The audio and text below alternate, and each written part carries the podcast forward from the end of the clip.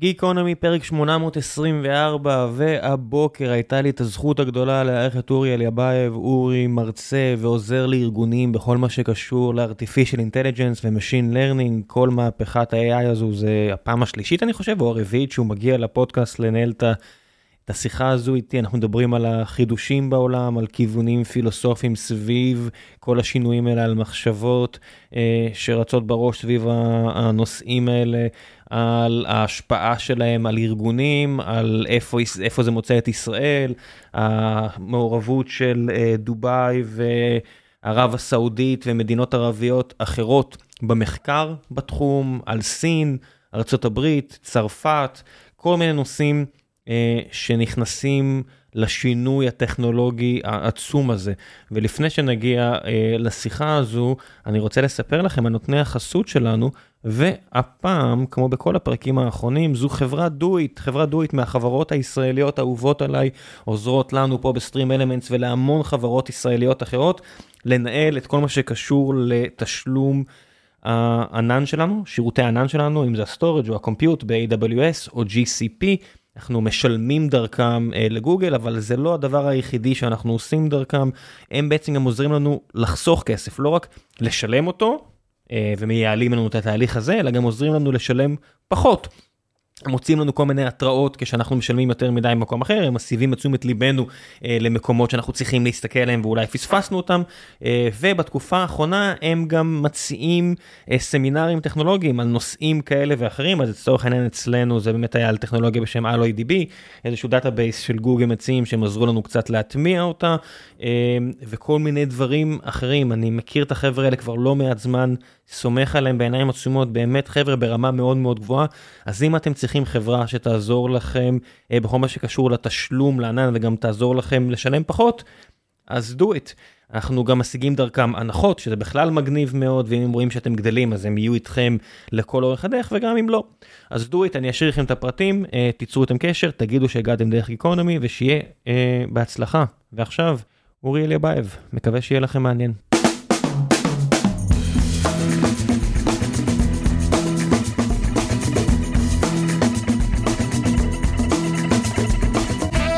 גיקונומי פרק 824 והבוקר יש לי את הזכות הגדולה לארח את אורי אליאבייב. אורי מוביל את הקהילה הכי גדולה בארץ ל-artificial intelligence ו-machine learning. כל ה buzzwords הנכונים ל-2023. האמת שמ-2017 עד 2023 אני מגדיר שזה הזמן הנכון למילים האלה. כל שאר ההייפים היו סתם. הצ'טבוט היה הכנה למזגן, ה creator economy אולי היה הכנה למזגן, היה כל מיני uh, הייפים ש... עבודת תשתית, כן. לדבר האמיתי. הכל בגלל מאמר מ-2017. נכון. סתם, אתה יודע, דיברנו על זה כבר פעם שעברה שהיית, א', בוקר טוב. בוקר טוב. ראיתי את. הסדרת הרצאות של אנדרי קרפטי ביוטיוב לאחרונה. אה, הוא מקסים. הוא מקסים זה לא מילה, האיש... אה, מה שאני אוהב בו, אני לא יודע אם אנשים רואים, יש לו רקע הכי לא מלוקק, הכי... הבן אדם מצלם מהבית שלו, מאחורה רואים את ה... אתה יודע, את החדר שלו רגיל, והוא מדבר בצורה... הלוואי עליי את ה... אתה יודע, את היכולת להעביר כל כך הרבה דברים למרות שהבן אדם תשמע הוא רוקסטאר אבל הוא מעביר את זה כאילו אתה יודע הוא יוטיובר קטן שרק התחיל. כן, אז אנדרי קרפטי אה, אחד המהנדסים הבכירים איי ועכשיו נכון. בטסלה. ההפך. עבר מטסלה מה, אה, מהחלק בטסלה שאחראי על ה autonomous driving ועבר וב... בזמן הזה, ב transition period, בזמן שהוא היה בין עבודות, הוא הוציא מלא מלא תוכן, לא שלפני כן הוא לא הוציא, כן. אבל הוציא מלא תוכן שבו הוא פשוט uh, בונה ביחד עם הצופים, נכון. ב Python, LLMים. הוא ממשיך להוציא דרך אגב. כן, הוא... כן, ראיתי את האחרון אה. אתמול, ו... ופשוט מדהים שיש את הידע הזה בחוץ. אני בשוק שיש את הידע הזה בחוץ. כן, הוא גם מנגיש את זה בצורה כל כך נעימה, בצורה כל כך, uh, אתה יודע, גם בגובה העיניים, וזה חשוב, שמע, הוא פותח צוהר להרבה אנשים שרוצים להיכנס. כן, אחד הדברים המדהימים זה שיש מלא שכבות אבסטרקציה. אתה יודע, זה, זה כמו שהיום אם אתה רוצה להתחיל לתכנת, mm-hmm. אתה לא באמת צריך לדעת אה, איך המעבד עובד. נכון. אתה יודע מה, אתה אפילו, בהרבה מקרים אפילו לא צריך לדעת איך ה browser עובד, זאת אומרת כמה רמות למעלה של אבסטרקציה, יש ואתה יכול להוציא תוצרים שיהיו סבירים פלוס פלוס, אוקיי? Mm-hmm. אתה לא יכול לעשות deep tech, אבל אתה יכול לעשות tech. ועם LLM, אם אתה רואה אותו עובד, והוא מראה לך, הוא אומר... טוב חבר'ה זה יהיה notebook של Jupyter 300 אה, אה, שורות קוד של Python ואנחנו מוכנים. כן אבל מאחורי הקלעים כל שורה כזאת שאתה כותב. ב Python?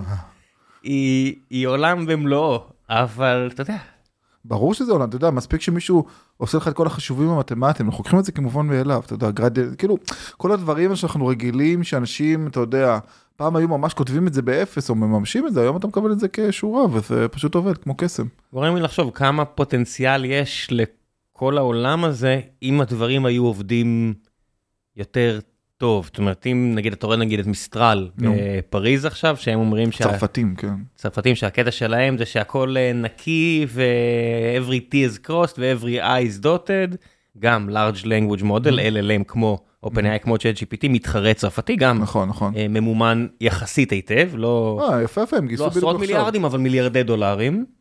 לא, הם גייסו בסבב האחרון שלהם בדיוק היה לפני כמה זמן, כמה מאות מיליונים. אז כמה... היה לפי שווי של מיליארדים. כן, השווי של מיליארד, הם בגיוס האחרון גייסו קרוב ל-400, נראה לי 415, אבל אל תפסו אותי על הנקודה. עכשיו חצי שנה לפני הם גייסו 100 ומשהו, כן, זה לא... חבר'ה צרפתים יוצאי אה, גוגל וחברות אחרות שגם מוציאים אה, מודל משלהם, נכון. זאת אומרת רק למי שלא מכיר מה זה אותו מודל.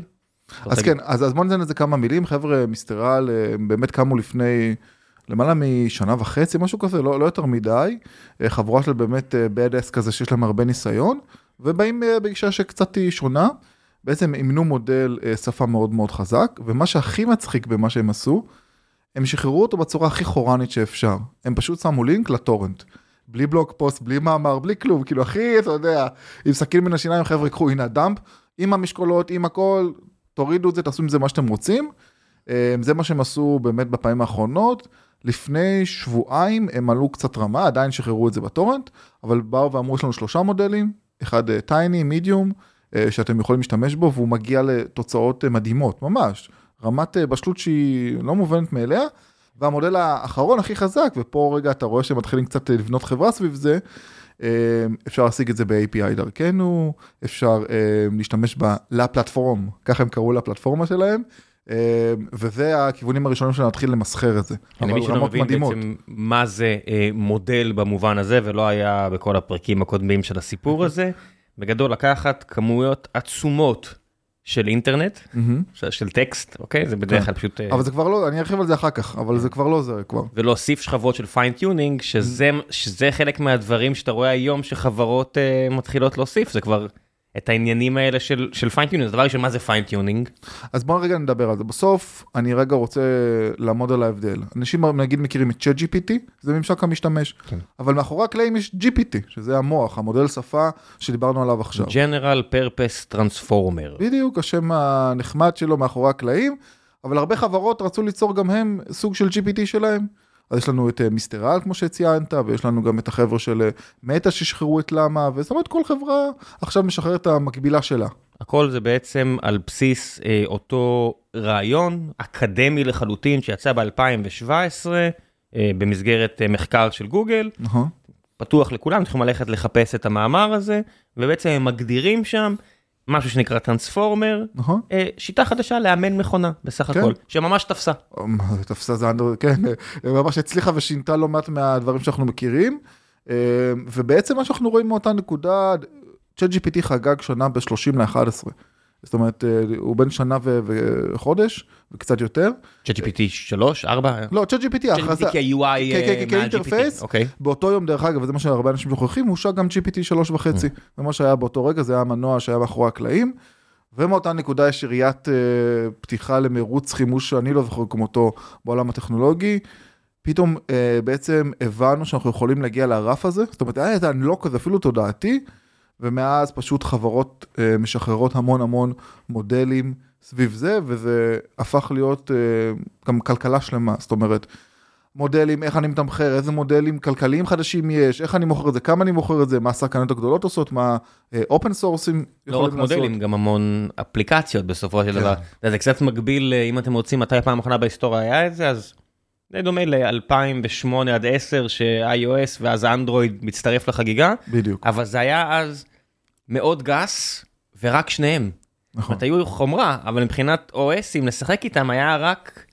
רק שניים בסופו של דבר, נכון. זאת אומרת מייקרוסופט לא באמת היו Windows בתחרות, Phone, כן, כן, לא, זה לא באמת היה בתחרות, ולא היה סימביאנים למיניהם, וזה לא באמת היה רלוונטי, היה רק שניים. נכון, ופה גם אם יש רק אחד, נקרא לזה נניח שהרוב משתמשים בו וזה לא נכון, כבר משתמשים בהרבה אחרים, בטח. מעבר לצ'אט, מעבר ל-GPT של OpenAI, הכמות אפליקציות הבשלות היא עצומה.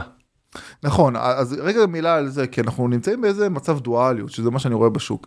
מצד אחד אתה רואה את האפליקציות שהם בנו שכבה אחת מעל זה, זאת אומרת, בעצם לקחו את ממשק השפה ועשו לו כל מיני התאמות לדברים יחסית פשוטים.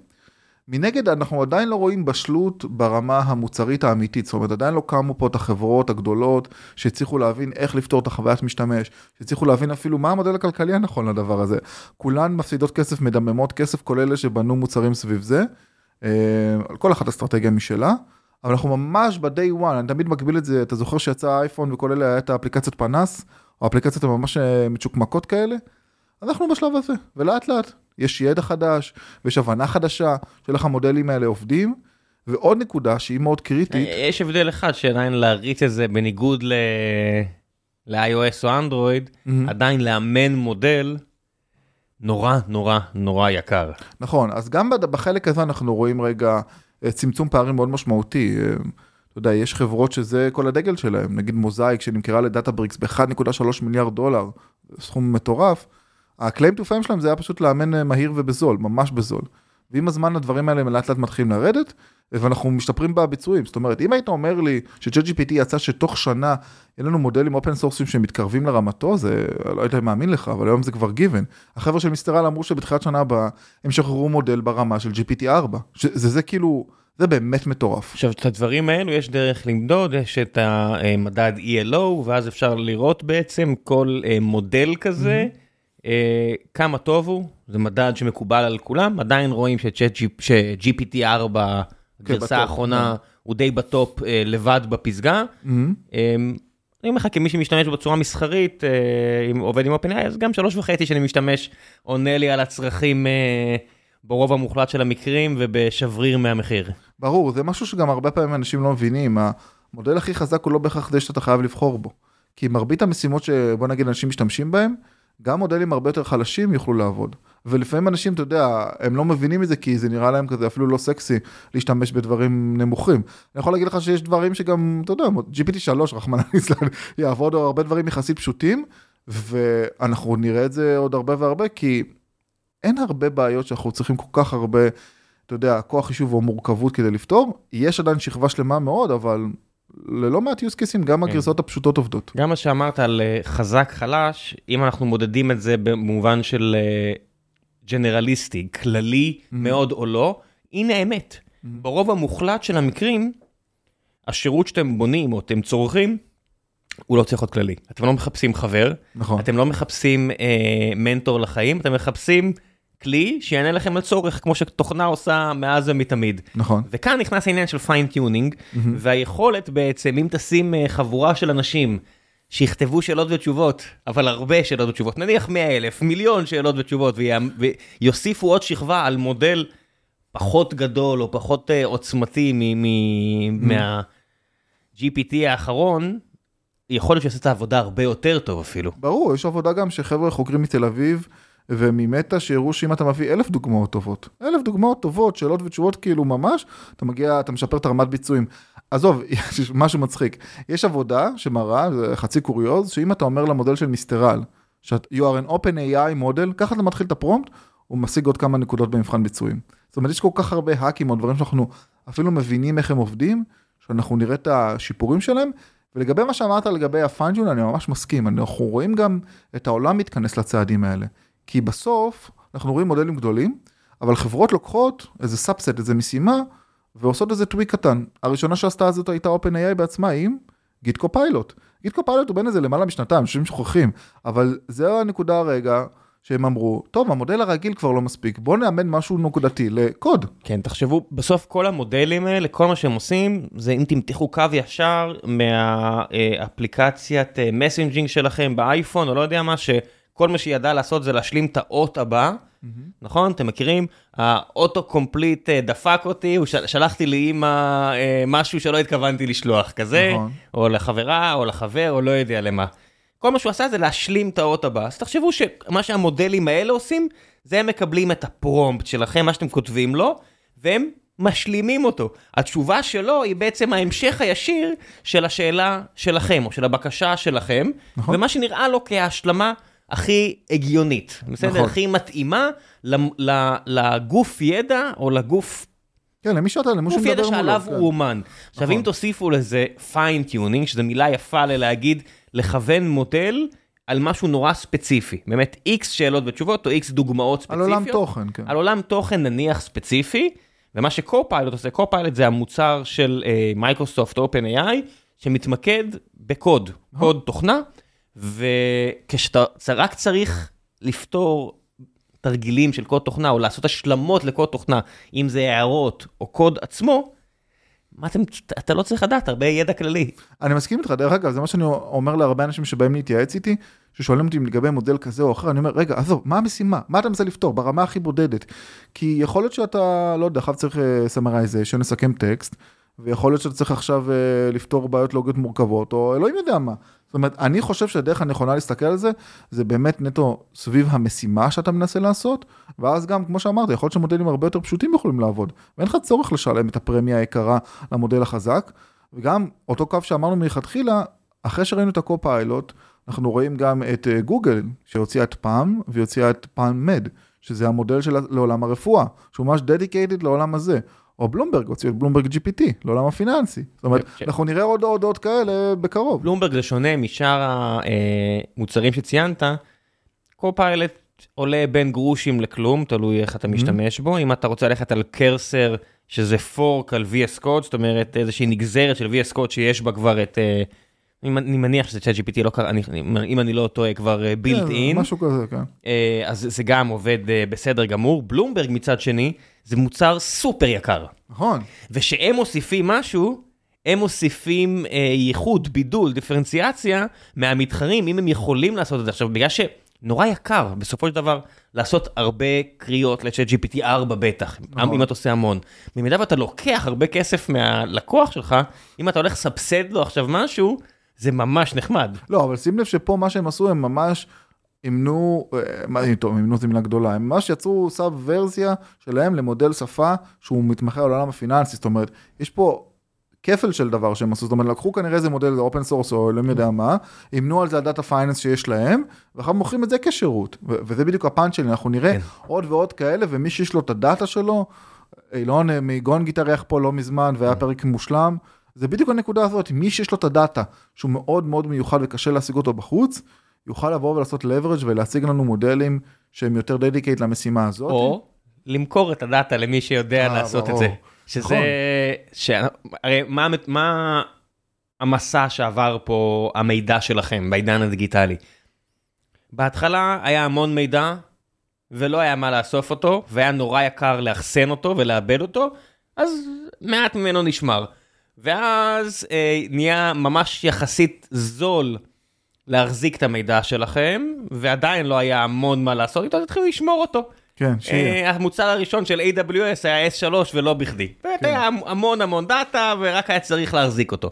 ואז אה, התחילה הקדחת של הפרסום הדיגיטלי ופתאום, ו- ולא היה עדיין רגולציה, אז הנה המידע שלכם שווה כסף כי אפשר לכוון את הקניות בול עליכם וזה שווה המון כסף. גוגל ופייסבוק הראו איך אפשר לעשות אין סוף כסף כזה. כן, בנו אימפריה מזה. כן, אפשר להגיד שאצלם הכסף הוא גם אה, בסוף על first party, על המידע שלהם, אבל זה לא נכון, כי גוגל בעצם משתמשת בהרבה מידע חיצוני בשביל הרשת פרסום שלה.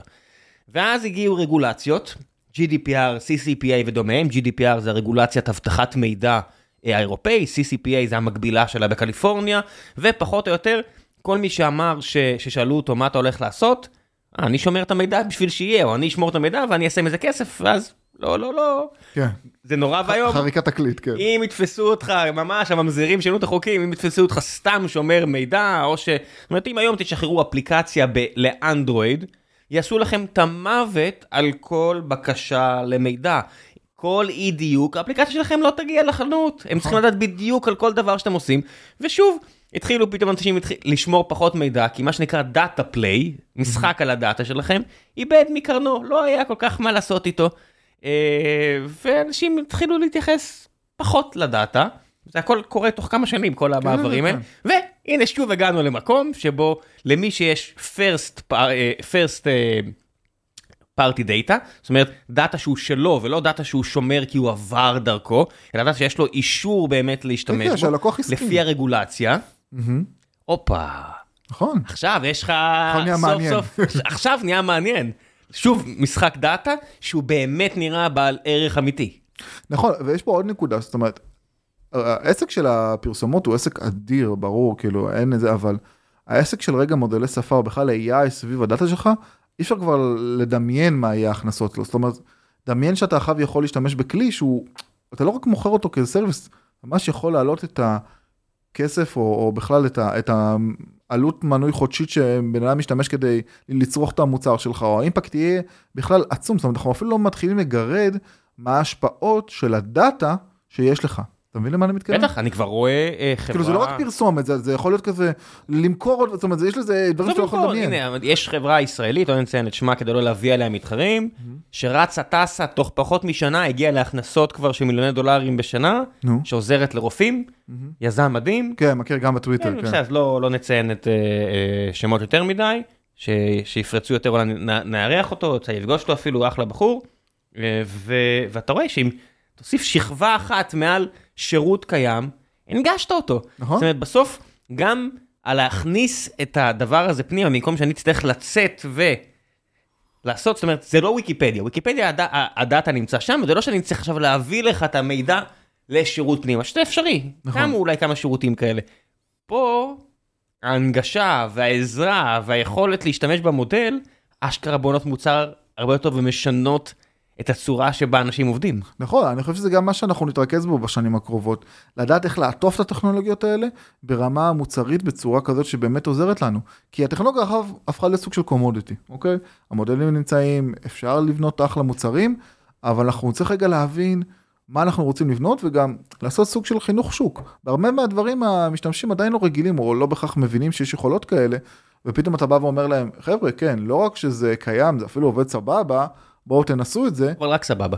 נכון, ברור, ברור, בטח. ראית את הדוגמה עם השירות אה, של שברולט, כן, אני חושב, כן. או משהו? ספר קצת. אז באמת אה, היה צילומי מסך ששוטפים את האינטרנט, שבו אנחנו רואים אה, בוט באתר של שברולט, שמבוסס... זה- זה באמת שברולט? לא הכנסתי לך את זה עכשיו? לא, לא, שברולט, כן, כן, כן, אני זוכר, כן. אוקיי. אני גם זוכר, איך שהתחלת להגיד, שלפתי אני מהמוח. מקווה שאנחנו סתם לא מכפישים כן, את שברולט, לא זה מכפישים בעצם חברה שברולט. אחרת שצריכה לקבל את הקיתונות בוז האלה. לא, אבל אני בטוח שהרבה נפלו בזה, אז זה בסדר. כן? לא, לא ככה. אה, כנראה הם היחידים, אה, בואו רגע נספר כן. ואז.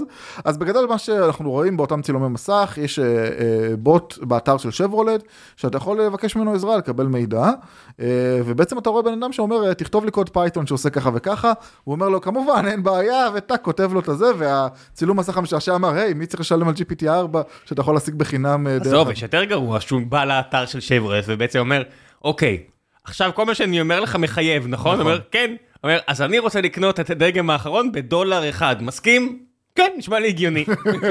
זהו, תעשה לי את הטרנזקציה. תעשה את העסקה, אני לא חושב שזה תופס, לא, זה לא תופס. לא, גם זה, המערכת הזאת לא מחוברת לאיזושהי מערכת הזמנות. אני מניח שזה רק איזה הנגשה של מידע. לא, אני אומר, אם הוא יכול, כל מיני חוקים, אתה תופס פתאום איזושהי פרצה בחוק, שאתה יודע, כמו בארץ, אם נשים מדבקה של שקל, אתה מחויב למכור בשקל, כן? אה, אתה אומר, אם הבוט שלכם אמר לי שזה... כן, אבל יש לי הרגשה שמדינה כמו ארצות הברית מגנה יותר על העסקים מאשר על הלקוחות, בניגוד למקומות אולי אחרים, אה, אבל עדיין זה מביך מאוד לראות את זה.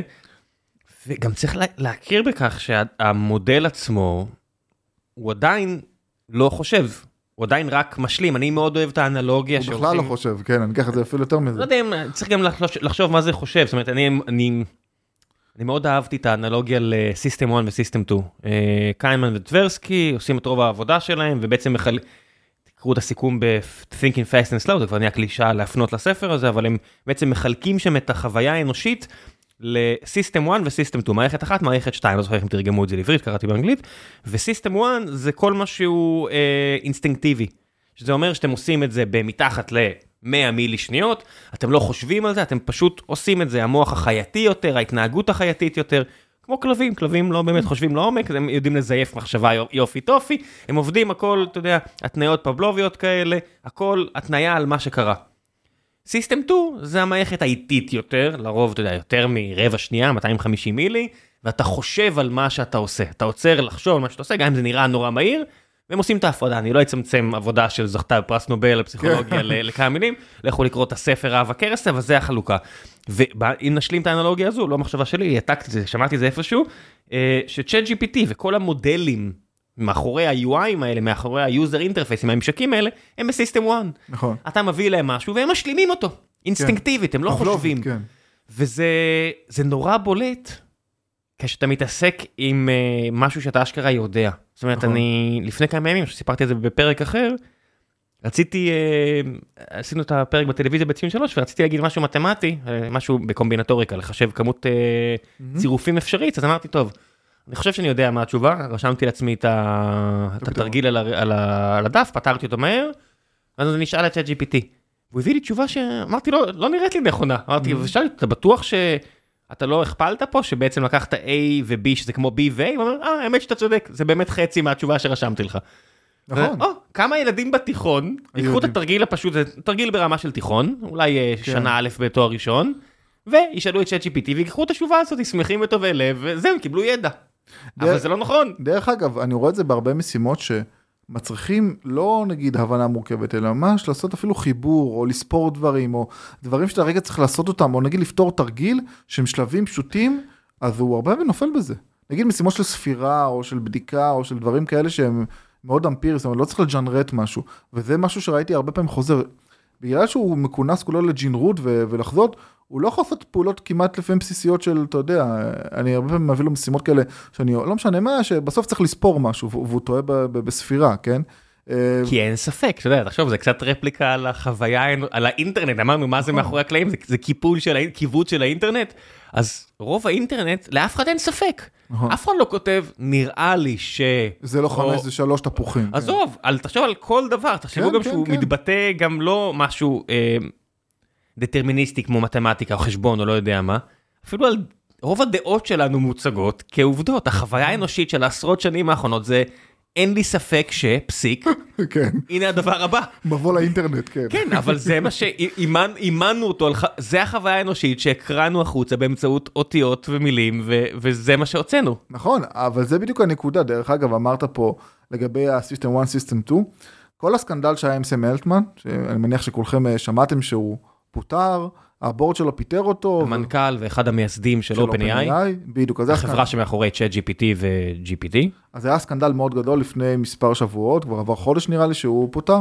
היה איזה אה, ניסיון הפיכה כזה, והבורד עם... זה מה אה, שזה, ניסיון כן, הפיכה כן, תאגידי. כן, הם גם לא הסתירו את זה, גם אילי אמר את זה, המדען הראשי, יום אחרי שהוא פוטר היה שיחה כזה של כל העובדים, ומישהו אמר לו, תגיד, זה יכול לראות כמו ניסיון הפוכה, הפיכה, והוא אמר, כן, נכון, זה, הוא אמר, כן, זה, זה, זה make sense, כזה, הוא לא הכחיש את זה או משהו כזה, אבל למה אני מספר את כל זה? כי אמרת את הנושא ה-System 1, System 2 והבעיות המתמטיות, חלק ממה שאומרים, וזה הדבר הכי חזק ששמעתי עד עכשיו, שהם הגיעו לנקודה שיש להם מודל שנקרא Q-Star, שהוא אחר אה, מאוד בכותרות, שהיה סוג של נקודת מפנה בכל מה שקשור לבינה מלאכותית כללית. זאת אומרת, לבינה מלאכותית מאוד מאוד חזקה, דומה לזו של יכולות האנושיות, ומה גרם להם, מה היה אותו ניצוץ במרתפי OpenAI? זה שהם הביאו לו בעיות מתמטיות, והוא הצליח לפתור אותם בצורה שהוא לא למד אותה, זאת אומרת הוא הצליח להביא נימוקים והצליח להביא הסברים בצורה מאוד משכנעת שלא דומה לדרך שהוא עושה את זה עד עכשיו. זאת אומרת הנקודה הזאת סביב פתרון של בעיות מתמטיות באופן מנומק ורציונלי ולא אותו שטאנץ שהוא אכל באינטרנט, תחשבו שזה היה כל כך מסעיר וכל כך מרחיק לכת שזה אשכרה גרם אני- למנכ"ל של OpenAI לאבד את הג'וב שלו. אני אני פשוט חושב שיש שם הרבה מאוד אנשים שראו את טרמינטור 2 מלא, כן, וזה יושב להם בראש, יש לי חוג קטלנית 2, וכל פעם שהם רואים משהו שמתנהג מחוץ ל... הנורמה. לא יודע, לצפי שלהם אפילו, עזוב נורמה, למה שהם ציפו שיהיה על כל ניסוי שהם עושים, הם מיד רצים ומשלימים בראש שלהם, כי זה החוויה האנושית. א', ב', אז ג', כי כן, ככה זה. אז ה- אז הג' שלהם מבוסס על מדע בדיוני. עכשיו, אתה יודע, אני חושב על DeepMind, שלימדו את המכונה שלהם באמת, אבל לשחק גו נכון. מאפס. לא הראו לו משחקים, אלא אמרו לו, קח תשחק עם עצמך. כן, באלפא גו, כן. כן, והוא המציא מחדש את המשחק פחות או יותר. איך משחקים, אסטרטגיות שהיו נראות הכי טריוויאליות, לא יודע, זה כמו אם תשחקו כדורגל, אז הוא רץ עם הטוסיק לכיוון השער. לא. ואיכשהו מצליח להפקיע יותר כן, והוא מכולם. בועט רק, אה, רק כן. בעיטות עקב, וזה עובד. לא יודע, כן, והוא משהו כזה. מנצח, כן. הכל במסגרת החוקים. ואתה אומר, גם זה מתמטיקה, יש סט של חוקים, יש סט של נכון. אקסיומות שמאליהם נבנה, והם כאילו מתרגשים, ואתה אומר, החוויה האנושית היא כל כך מוכוונת, זאת אומרת, אנחנו מחפשים איזשהו general artificial intelligence, אבל אנחנו תקועים גם בסט הגדרות שלנו. כן. גם, אתה יודע, System 1, System 2, שאנחנו, אתה יודע, מתלהבים על כלבים שהם טיפשים ואנחנו חכמים יותר, גם אנחנו בסוף יצורים ביולוגיים. עם אותה חומרה שלא השתנתה אלפי שנים, כן? כן, משתנה לאט לאט, כן. אה, אתה יודע, כנראה כבר עשרות אלפי שנים היא לא כן, השתנתה, אה, מאז מאז שבני אדם בתוצרותם הנוכחית, מאז שהיינו רק כמה אלפי פריטים, בס- פרטים כן. בכל כדור הארץ, ותראו איפה אנחנו עכשיו, אה, אבל אתה יודע, יש פה שכבות על גבי שכבות של שקרים, ועכשיו גם אנחנו מספרים את השקרים האלה בקצב מהיר, ולא מפתיע אותי. שהם באמת מאמינים לכל דבר כזה בעצמם, כי סופר כן, אנשים, סופר חכמים, אני כן? באמת חושב שהם היו בלחץ, זאת אומרת, אני לא חושב כן, ש... הם, הם, הם, הם הפכו את ה... כל אחד מהם, אם נפרוט את זה למשהו פרטני, כל אחד מהם יושב על מניות בין מיליוני דולרים לעובד הכי זוטר, למאות מיליוני דולרים לבכירים, כן. או מיליארדי דולרים להכי לא. הולכים לישון רעבים, כן. לא, מה שאני אומר זה שהם הם לקחו את כל השק של הכסף הזה וזרקו אותו מצוק. עד כדי ככה הם האמינו במה שהם עושים. נכון, נכון. אני חושב שהנקודה הזאת שהם, ואתה רואה גם שאתר הבית של OpenAI השתנה, והרבה מדברים על זה. היום תפתח את אתר הבית של, אה, של OpenAI, אתה יודע מה הבאנר, כאילו מה- מה הטקסט העיקרי שאתה פותח? זה We build safe AGI. אנחנו בונים בינה מלאכותית אה, כללית בטוחה. do no evil של גוגל. עכשיו אני אומר לעצמי, א', אשרינו שזכינו להיות בדור שמדברים על זה בהום פייג', שזה כאילו מובן מאליו, שזה דבר אחד. דבר שני, אתה באמת מבין שאנחנו נמצאים על הסף של הדבר הזה, וזה באמת יכול להיות, אני תמיד אומר ש-OpenAI נמצאים בעתיד. אני חושב שהם נמצאים באיזה שנה, שנתיים פור על האנושות. הדברים שיש אצלהם, הדרך שהם אפילו כותבים תוכנה, אה, אה, מריצים מודלים, דברים שהם עושים כנראה זה, זה, זה בפור, אתה יודע, תמיד אומרים, נכון שאתה רואה את האור של השמש עכשיו, זה כאילו מיליארד שנה, אנחנו רואים רק עכשיו מה קרה בשמש לפני מיליארד, לא יודע. כן, בסך הכל זה בגלל שזה נמצא בכותרות, תחשוב שכל מי שעובד על מעבדים, נכון. כל מי שעובד על המעבד הבא של אפל בקופרטינו, וכל מי שעובד על הכלי בדיקה האופטיים הבאים ב-ASML בהולנד, או TSMC בטיוואן, או אפילו Applied Materials פה כן, כן, ברחובות, הוא עובד על חתיכה, זאת אומרת, כן, אבל זה עוד חומרה, זה עוד כוח. פה במרתף שלהם הם רואים משהו שהוא לא פי שמונה יותר מהיר, שכזה, אוקיי, בסדר, לא יקרה מזה כלום. הם רואים fucking את הניצוץ הראשון, את, ה- את הנורה אז אני. לא בטוח, אני לא בטוח אם יש כזה הבדל, זאת אומרת, אם בסופו של דבר, computation ו-complexity, נו. החל מדרגה מסוים, פשוט אין לך דרגה מסוימת, נו. אין לנו כבר את היכולת להבדיל. זאת אומרת, אנחנו פשוט נגיד, אוקיי, זה כל כך מדהים, אה, זה חי, זה... זה... זה... It's זה." alive. כן. כן. זאת אומרת, אנחנו הבאנו את הביטוי הזה, את הניצוץ האלוהי, את השכינה, החל משלב מסוים, זאת אומרת, עכשיו, אם, אם היינו יכולים להיות יצורים כאלה שחיים כמה זמן שאנחנו רוצים, ואנחנו מסתכלים על קופים. ברחבי כדור הארץ, במזרח אפריקה, אחרי זה בצפון אירופה, אוקראינה, איפה שלא יודע מה, אימנו את הסוסים הראשונים, אני לא יודע מה, כן. ואתה אומר, אוקיי, קוף, קוף, קוף, קוף בן אדם. זה לא היה ככה. כן. לא, אני מבין מה שאתה אומר, אבל אני חושב שכאילו, בסוף שאתה יוצר חומרה ממש מורכבת, אתה, אין פה אלמנט, אוקיי, הצלחתי, לא יודע, NVIDIA הצליחה אה, ב-H300 לעשות את זה פי 50 יותר מהר, אוקיי, אבל פה אני באמת מתרגש מהר, תחשוב שהם כאילו אשכרה נוגעים במשהו שהוא, זה כמו הסצנות בווסט וורד, בהתחלה, בעונות הראשונות, שזה משהו שכאילו, אתה בורא במו ידיך, וסליחה על הסופרלטיבים המוגזמים, נקודה שהיא תהיה מכרעת בציר ההתקדמות האנושי.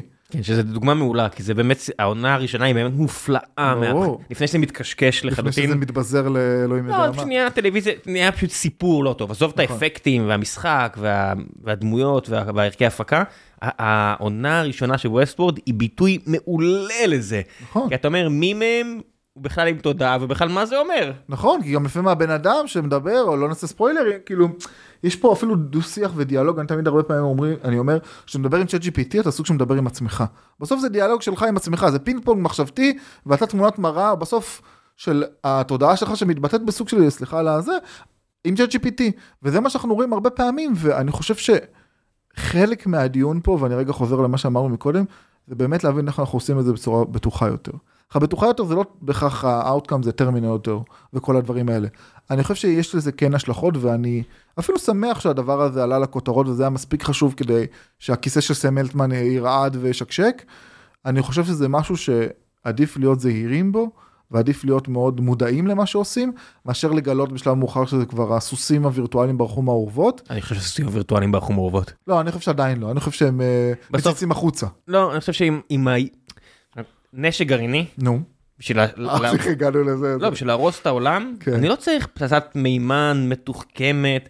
הרי הטכנולוגיה הבסיסית מספיק טובה כדי מספיק לעשות אחלה- מסוכנת כדי. שהיא תפחיד אותנו עד היום, מה שנקרא פצצות מלוכלכות וכל הדברים האלה, זה מספיק מפחיד. נכון. ואני אומר, השימושים של מודלים עכשיו, בלי, הרי מה, מה מונע מנשק גרעיני להרוס אותנו? ההבנה שזה מסוכן, נכון הרגולציה והחוסר רצון של מישהו לעשות את זה. נכון אבל פה, בגלל שזה יש משהו שהוא הרבה יותר תמים, נכון תחשוב שאצלנו, יש פה איזשהו ניסוי שרץ אה, די פרוע. יושבים לך שלושה חבר'ה, מריצים לך בארץ, רשת של אה, אה, חשבונות מזויפים, או מפעילים רשת של חשבונות אנושיים, ומרביצים אה, דעות. מה ההשפעה של זה? כן, לערער דמוקרטיות כן. לא יודע, אתה, אתה, אתה משפיע. האם, אני חושב שמהבחינה של, בסוף הדבר הכי מסוכן זה בני אדם. כן. אם אתה מצליח לשכנע בני אדם לעשות משהו, אה, זה נקרא אינטלקטואל ג'רם. כן. עכשיו יש לך את האפשרות להפיץ את האינטלקטואל ג'רם בצורה שהסיעו את אה, לנין, שהגרמנים הסיעו את לנין אה, מגרמניה לרוסיה, כדי לערער את רוסיה ב-1917. הם הסיעו אותו בקרון רכבת, שכל החלונות אה, מוגפים במתכת, וואו. כדי שחס וחלילה האינטלקטואל ג'רם הקומוניסטי לא אה, יתפשט. בגרמניה לפני שהוא, הם מפילים את הפצצת אטום הזו על רוסיה. כן. והם עשו את זה, הפצצת האטום הזאת נפלה על רוסיה, עברו 105 שנה, והפצצת האטום הזו בהחלט נפלה על רוסיה ולא על גרמניה.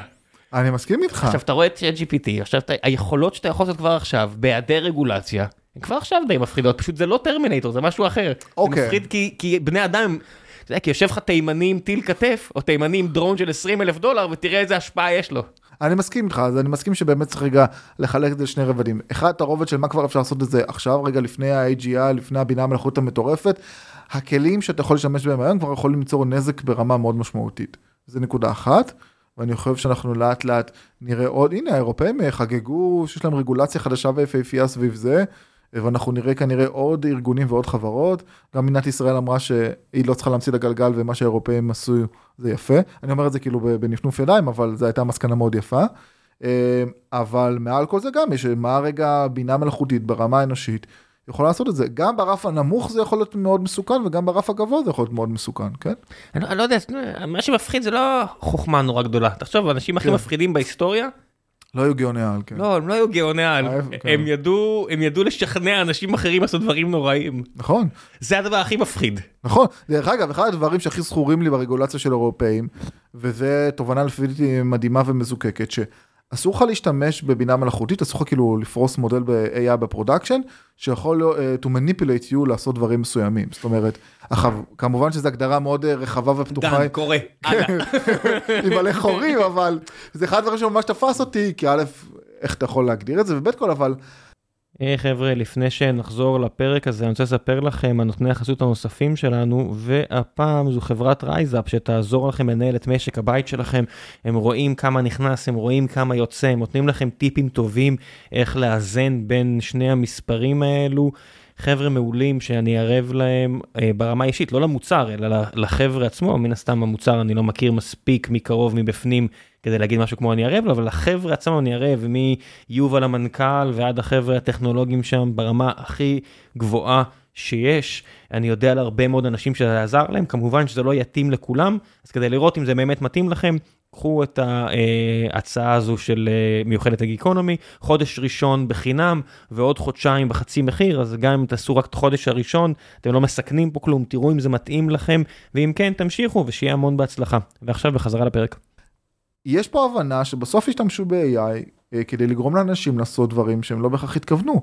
והיום, ChatGPT בוא נגיד 4, אם אתה עושה לו פיינטיון הוא מספיק טוב, אה, מישהו שהוא קצת אה, אה, יהיה קל להשפיע עליו. אתה יכול בסט של פעולות מאוד מוגדרות לשנות את התודעה שלו בצורה מאוד משמעותית. אני לא מפרגן על רובנו, על רובנו המוחלט קל לשכנע, נכון. באיזושהי רמה. נכון, עכשיו זה רק העניין של זרימת המידע וש... והשימוש בו. נכון, זה, זה בדיוק העניין, לעשות את כל הדברים האלה בסקייל.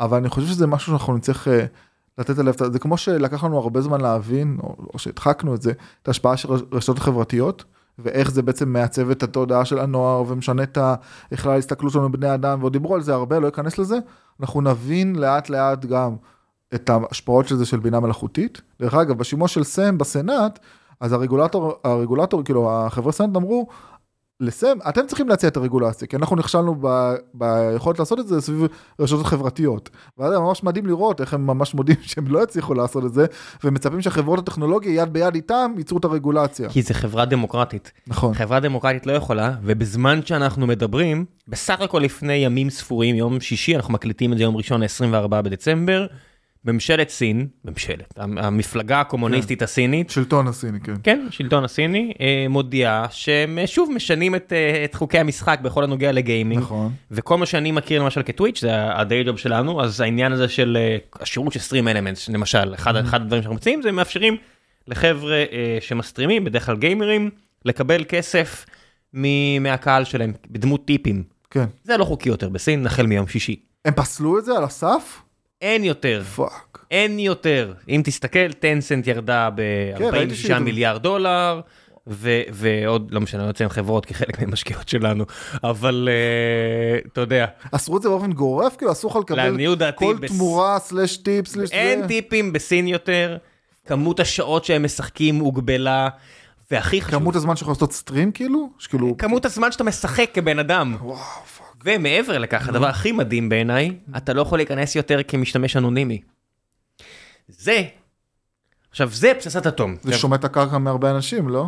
מצד שני, נו. אם אתה באמת, פתאום הבוס שלך יכול לדעת שהנה זה אתה שצפית במשחק ולא הכל. עזוב, אם אתה באמת, נו, באמת רוצה להפיל, אתה יודע, להפיל את כל הסכנה הזו, נו. תוריד אנונימיות. מה, אתה יודע, אם כל אחד עכשיו כותב בשם שלו. אם בטוויטר עכשיו אתה יכול להיכנס, או בפייסבוק, אתה יכול להיכנס רק עם הדרכון שלך, רק התעודת זהות שלך. פתאום האיום של בלוק, כן, ממש מפחיד. ברור. פתאום האיום של, אתה יודע, גם של... לשלוף to WR, כן, לדעת מי הבן אדם כן. מאחורי כל התוכן. אבל אין יותר עכשיו להפיץ אה, שלושה אנשים שמפיצים עכשיו, אה, אתה יודע, עשרות חשבונות שנפתחו לפני חודש ו- ומתחילים לשנות את הדעת קהל. הם יכולים עדיין ש-300 אנשים אמיתיים יוציאו את אותו מסר, נכון. אבל כל בן אדם כזה שיחסם, זה אדם אמיתי והוא בודד. והוא לא יוציא יותר את המסר הזה, אבל זה לא דמוקרטי. אז פה אנחנו, יש פה התנגשות אה. בין אה, דמוקרטיה לבין אה, הרצון לשמ- לשמור עליה. סוגיה מעניינת, תשמע, בהקשרים של בינה מלאכותית, אנחנו, אני חושב שאנחנו נצטרך רגע לשנות חלק מהנחות היסוד שיש לנו אפילו בתור חברה דמוקרטית. אני חושב שזה משהו שיצטרך להיות פתוח רגע לדיון רחב, אני עוד קטונתי מלהחליט מה נכון ומה לא, אבל גם דברים כאלה בעולם שבו אתה יכול ליצור יכולת להדהד מסרים בצורה בלתי נתפסת, יכול להיות שכן, אה, לא יודע, משתמש רשום בטוויטר יצטרך להוכיח שהוא אנושי, שהוא בן אז זה אדם. לא, אז ב... כדי שדבר כזה יקרה, נו. צריך להיות אה, קריסה של דמוקרטיה או הרגשה שהדמוקרטיה ממש בסכנה, זאת אומרת ממש השיל... החיים. זאת אומרת נגיד בארץ אם היית שואל כמה היית מוכן לוותר על האנונימיות ברשת, נו. יש מצב שלפני ארבעה חודשים זה היה מספר אחד, ועכשיו אחרי שאתם רואים סרטונים של אנשים צועקים חוטי חוטי make us proud במנהטן, כן, בדיוק, ואז הם מאבדים את העבודה שלהם. לא, עזוב.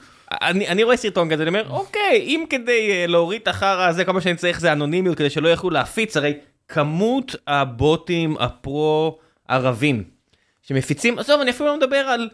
אתה, אתה רוצה להגיד לי uh, ש-30 אלף עזתים מתים זה טרגדיה עצומה? מדהים, זה, אני חושב שזה אנושי, אני חושב שזה הגיוני, אני חושב שאם אני מנתק את הסובייקטיביות שלי, אולי אפילו הייתי יותר שמה מאשר עם ישראלים באיזושהי סיטואציה, הכל הגיוני, אבל ברגע שאתה מגיע לחוטי חוטי, make us proud, נכון?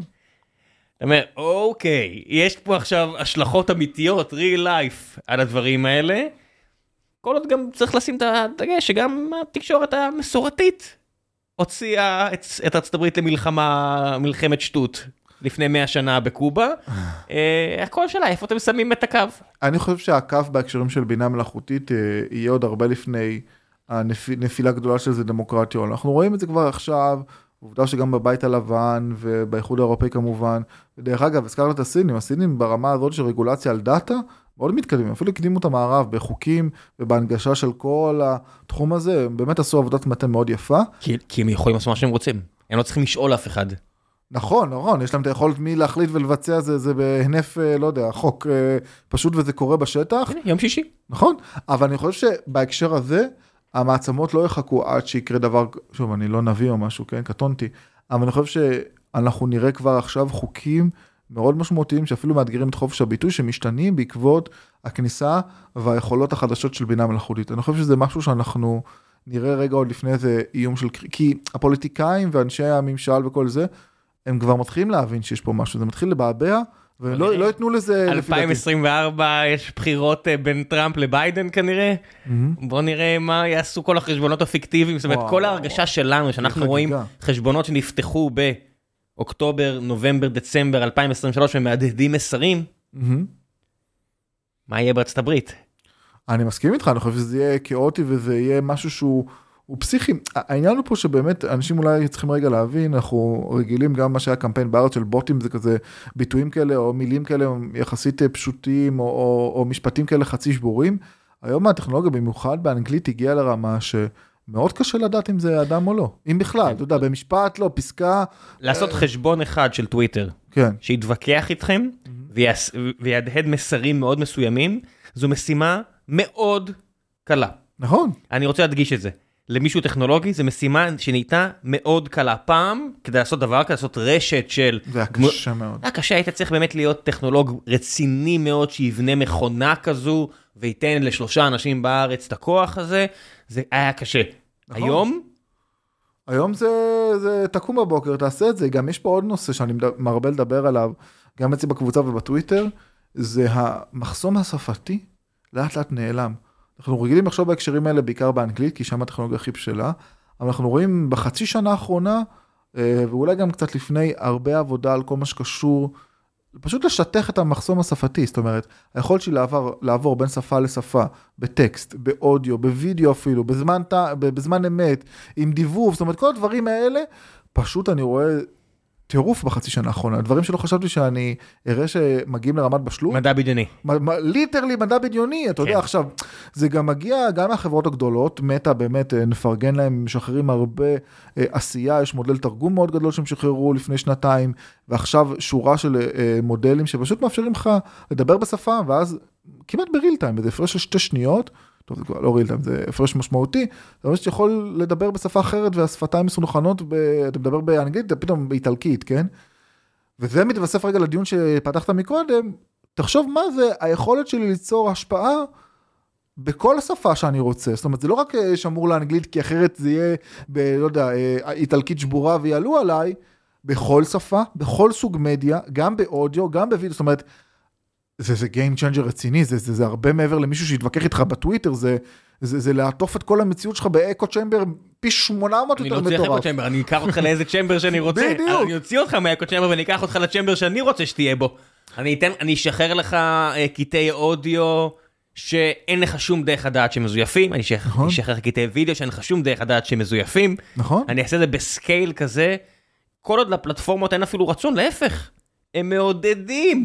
את ההתנהגות הזאת. זאת אומרת, אתה רואה כזה הינקלים למיניהם, שמוציאים את השטויות שלהם, ולא רק שאין רגולציה נגדם, מביאים להם יותר כסף. נכון, על כל חשיפה. כי עכשיו בטוויטר אתה מקבל כסף על חשיפה בצורה ישירה מאוד. נכון, אז אתה חושב שהינקל עכשיו יוכל לעשות את כל התוכן שלו בספרדית, ברוסית, בכל שפה שהוא, מהשפות המספיק גדולות, בקליק אוף בטן, בדמותו ובצלמו, כן. וכל זה אתה יודע, אפילו לא יודע אם יעלה לו יעלה לו ואין בעיה לשקר. כי... ואין בעיה לשקר. ו... כן, כי יש לך נשיא אמריקאי כבר שאין בעיה, אתה יודע, פחות או יותר אמר שאין בעיה לשקר, והוא יהיה שוב נשיא אמריקאי נכון. בקצב הנוכחי. עכשיו זה בדיוק העניין וזה גם אחד הדברים שאנחנו אולי כל הנשיאים האמריקאים עשו את זה, אני לא יודע, יכול להיות. אה, כן, יכול להיות, יכול להיות, כן. היכולת לשקר ולשלב את ההמונים זה משהו ש- ששזור זה ממש בהיסטוריה. להאמין בשקר הזה, אתה יודע, זה כזה, It's only a lie if I don't believe it. בדיוק, אתה יודע, אנשים, אתה יודע, ערבבו את האורקל כדי שתגיד מה שהם רוצים, אז כן. אה, מה זה, אתה יודע, הפוליטיקאים בימינו שמשקרים, אבל זה גם נקודה מאוד חשובה בעולמות של AI, אנחנו רואים דברים שעד לפני שנה היו נחשבים מדע בדיוני, בום, בום, בום, מתחילים להיות כמעט, לא, לא הייתי אומר פתורים באופן מלא, כי זה אף פעם לא נכון, אבל רמת הגימור פשוט עולה בקצב לא נורמלי, ואתה רואה עוד חברות ועוד פתרונות ו open source ועוד זה, ואתה אומר לעצמך, הקצב שבהם דברים קורים הוא פשוט בלתי נתפס. מה הכלים הכי מגניבים שראית ב... לא יודע מה, חצי שנה מאז שדיברנו פעם אחרונה. אז וואו, יש כל מיני, יש הרבה סטארט-אפים עכשיו שאתה יכול להעלות אה, סרטון שלך מדבר ב- בעברית, או סליחה, באנגלית או שפות כאלה, ואז הוא ממש יכול ליצור כתוביות שלך, אה, וזה כאילו גיוון, זה כבר היה לפני, אבל ממש יכול לגרום לך לדבר בשפות אחרות. רואים הרבה קריאייטורים, אפרופו זה שמתחילים ליצור תוכן סביב זה, אה, אם אתה, אני מניח שכן, אה, מיסטר ביסט יש לו את כל הערוצים באספניול, מיסטר ביסט ביפנית וזה, והוא ממש משלם למדובבים שיעשו את זה, והערוצים האלה צוברים תאוצה פופולרית. אני מניח שאנחנו לאט לאט נתכנס גם בהקשרים האלה, שזה היה פשוט, אה, יש את המיליארדר, אה, לא, אתה, לא, אתה יכול תמיד לשים בני אדם שיעשו את זה. עכשיו הנקודה היא שאתה לא, לא תצטרך להיות מיסטר ביסט, כדי לעשות את זה כדי גם. שיהיה לך מיסטר ביסט ביפנית. נכון, לא, אבל... מיסטר ביסט, ערוץ, אה, ערוץ יוטיוב הכי פופולרי בעולם, בן אדם באמת מיליארדר בדולרים בגיל נכון. 25, איש עסקים מדהים מדהים מדהים, והוא באמת עשה הכל ברוט פורס, הוא שילם לאנשים, עשה עסקים, יש לו צוות של, פגשתי את מי שמנהל את הזה, לא כן. משנה, בחור בולגרי, לא משנה, באמת אנשים סופר מוכשרים ואמביציוזים וחרוצים. עכשיו יהיה אפשר להחליף הרבה ממה שהם עושים מכונות, ואז גם אנשים עם הרבה פחות כסף יוכלו להגיע להישגים. נכון, אז זה בדיוק העניין, היכולת שלך רגע לעשות את זה בסקייל, ובצורה מאוד משמעותית, וגם לצמצם את הזמן, נכון, הוא משחרר סרטון. עדיין בני אדם צריכים לשבת, לצפות בכולו, להבין ניואנסים, לעשות הקלטות, יש טעויות, יש בליפים, יש זה, זה לוקח כמה ימים נגיד, סבבה? בוא, בום, אתה יכול כזה, לא יודע, תוך, אה, לא יודע, נגיד יום, אם אתה עושה תיקונים ואתה זה, תוך יום לסיים עם זה. אפילו להוריד עוד יותר את הסדרי גודל, שלא נדבר כמו שאמרת, לשחרר את זה לכולם. אז זה משהו שהוא לפי דעתי מאוד מאוד מרשים, אנחנו נראה הרבה הרבה דברים סביב העולם הזה. אני חושב שזה אה, תופס קצת, נותן לעולם ה deep-tech קצת זמן לנשום, כי לפני שהגיע אה, GPT ו-LLM ים, הלחץ היה על אה, נגיד autonomous cars. שימוש אחר בלמידת מכונה ול, ואינטליגנציה מלאכותית, וכל הכסף הזה שמושקע ב... אה, GPUs של NVIDIA שעובדים overtime, ואנשים כן. חכמים כמו אנדרי קרפטי שעובדים על זה, וזה לא התקדם לשום אה, מחסום, כי אתה צריך באמת להגיע לרמה יש זנב ארוך מאוד ארוך, יש, צריך להגיע לרמה באמת כי- שהיא באמת מדע בדיונית על אמת. נכון. וכשאתה עובד עם בני אדם, שוב דיברנו על האשליה של אינטליגנציה, אתה לא צריך להגיע לשלמות. כי אין לנו יכולת לה, להבין שלמות. אוטו עושה תאונה או לא עושה תאונה, אנחנו לא צריכים להבין, זה קרה. כן, זה נורא קשה. נכון, אבל להוציא תמונה שלפעמים יש שש אצבעות, לפעמים יש חמש אצבעות, בקטנה, נעשה כן. עוד פעם. נכון. אה, יצא טקסט, אה, הקוסט של זה הוא לא כזה נורא בלעשות עוד פעם, הכל טוב, זה רק בני אדם. נכון. אה, אז זה, אתה יודע, זה אה, השלים קצת על הפער הזה שפתאום ראינו את המגבלות של, אה, של כל הטכנולוגיה הזו. אני מסכים איתך, למשל עוד נקודה שמאוד מרגשת אותי, הרבה אנשים לא מבינים אבל אני חושב שזו נקודה מאוד מרגשת, היכולת להריץ מודלים יחסית קטנים אבל אנחנו רואים גם גדולים, על חומרה יהודית, אם זה במחשבים או אם זה בסמארטפונים, אפל משנסת מותניים, כתבתי על זה בטוויטר לפני כמה זמן, גם שחררה ספרייה מאוד חזקה שמאפשרת למודלים המוכרים שכולנו מכירים אותם לרוץ על הסיליקון שלהם. וגם שחררה מאמר לפני כמה ימים על איך אתה יכול להריץ אה, מודלים עם אה, אה, כמות זיכרון מאוד מאוד מוגבלת ואתה רואה שכאילו הם לאט לאט מאותתים לכל העולם it's coming כאילו מודל שפה רציני מאובטח לוקאלי על מכשירי אפל גוגל בינתיים רצה כמו שהיא תמיד רצה, זה ה-DNA שלה, אז בפיקסל 8 פרו כבר יש את, יהיה עכשיו את פיקסי, את העוזרת האישית כן. שלהם, שהיא סגורה רק למשתמשי פיקסל, שזה נכון טלפון עם בסך הכל מיליוני יחידות בעולם, לא המון מיליונים, כן. אה, זה לא מתקרב לסמסונג או אפל. לא, לא, אפילו לא מפרסמים את זה בדוחות כי מרוב שזה קטן כאילו אומרים לא, כזה זה, חומרה זה הולך כזה. וגדל, זה, זה הולך וגדל, מה שמעניין פה זה שהשולי רווח פשוט נורא גדולים, כמו עם אפל, אז זה כן, כן. משהו שמאוד מעניין את גוגל, והם כן היו רוצים שהפיקסלים יהיו הצלחה הרבה יותר גדולה, והם עובדים על זה, ובאמת מדהימים, ואני משתמש בטלפונים והכל אחלה, אבל אה, הם רצים קדימה עם ממש, עם חומרה ייעודית לזה, נכון. ומגבלות, ואני מסתכל על אפל, ואנשים אומרים איפה אפל, ואני אומר שאין, שאתה יודע, שלי ב-2010, שעבדנו על פה בארץ על near field communication, NFC, ואמרתי למה זה לא באפל.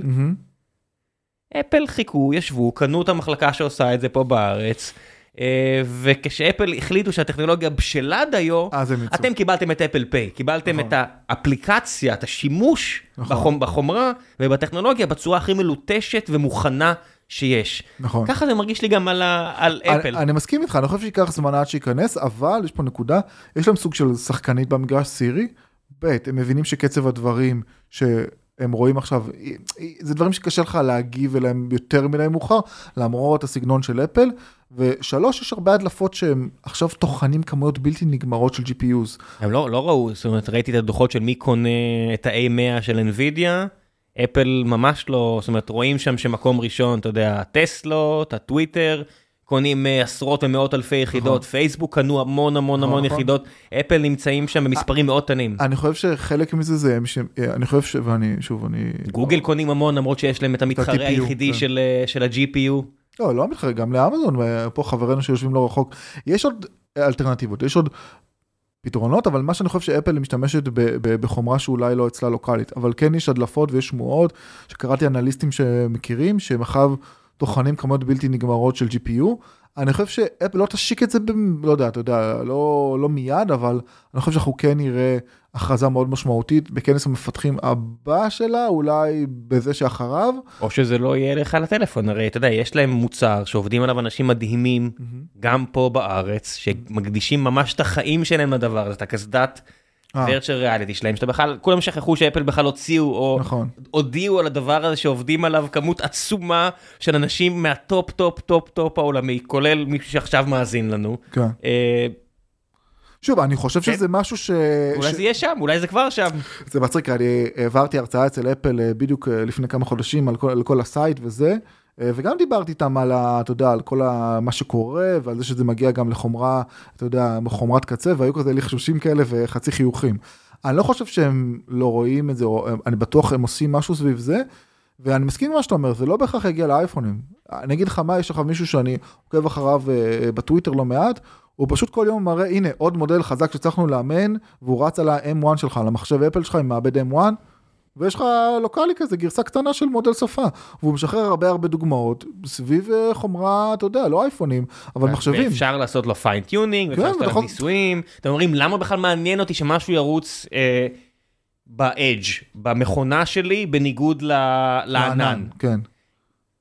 יש יתרונות. אני חושב ש privacy, אני חושב שכאילו אפל מחר, תצא, פרטיות, וגישה ונוחות. אני חושב שזה יהיה השקף, אני כבר מדמיין את זה, אפל כאילו, העניין של ה privacy, הם יגידו, חבר'ה, יש לכם כל הפקק ל- OpenAI, ששולחים לכם את המידע ועושים אלוהים יודע מה, אצלנו זה יהיה מאובטח. זה יהיה באופן פרטי, אף אחד לא ייקח לך את הדאטה, זה הכל יהיה לך, הוא יבין את כל עולמך הפנימי והקסום, אבל הוא יישאר רק איתך. אני חושב שזה הטיקט אולי הכי גדול שהם אה, יקדמו אנחנו את זה. יושבים פה בעצם על אה, אחד מהשינויים הכי גדולים במבנה של הכלכלה המודרנית, שזה מודלי פרסום. נכון. ובסוף גוגל מריצים את הדבר הזה, המאמר הזה יצא מגוגל של הטרנספורמרס, ובסוף 99% מהכסף של גוגל זה, זה לעזור לכם לקנות משהו, נכון? בלי, אתה יודע, ליצור לכם את האינטנט, הנה, היום, אתה רואה למשל פה בארץ, את הקריסה של עזריאלי וכל ה e-com כן, כן, הישראלי, לא סגרו market place ים עכשיו. זה יקר מדי, כן, בבת אחת הם סגרו, איכשהו יצא, ככה Mhm. יצא, שכולם סגרו בבת אחת, אה, יצא ככה, ו- ו- ויקר מדי, אתה מסתכל על המספרים, אתה אומר, כל קנייה עלתה, נגיד בעזריאלי ראיתי איזה 140 שקלים, זה לא... ואתה אומר, אוקיי, סבבה, זה הגיוני אם פעם אחת הביאו אותך לקנות משהו בעזריאלי, בדיגיטל, לא. ואז אתה נהיה לקוח שלהם, אז על, על, ה- המחיר, קק זה, זה ראשי תיבות של המחיר בעצם של כמה עולה להביא user, uh, cost, customer uh, acquisition cost, um, הוא, הוא אמור להיות מגולם בכך שתישאר שם. נכון? אבל אם כל הקיום שלנו הוא רק לקנות על אימפולסים, עם פייסבוק וגוגל שדוחפים לך מודעות שהולכות ומשתכללות, אז זה היה משהו אחד.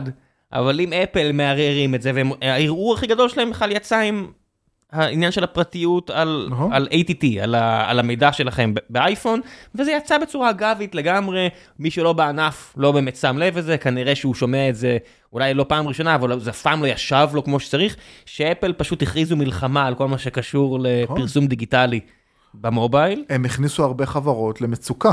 ואני לא סתם אומר את המילה הזאת, זה מצוקה. מצוקה, זה הם הורידו את פייסבוק אה, מ-300 ומשהו דולר למניה ל-90, בינתיים פייסבוק חזרו. לא, לא רק נדבר על פייסבוק, אני מכיר הרבה חברות שבנו על הקמפיינים, אתה יודע, שמו דולר, קיבלו שתיים, אחרי כל מה שקרה עם האייפון, טאק, נגמר. עכשיו האייפון גם זה אנשים שיש להם הכי הרבה כסף, אתה יודע, הם מוציאים הרבה, הם ממש אה, הקהל לתרגותים כאלה, וזו הייתה בעיה.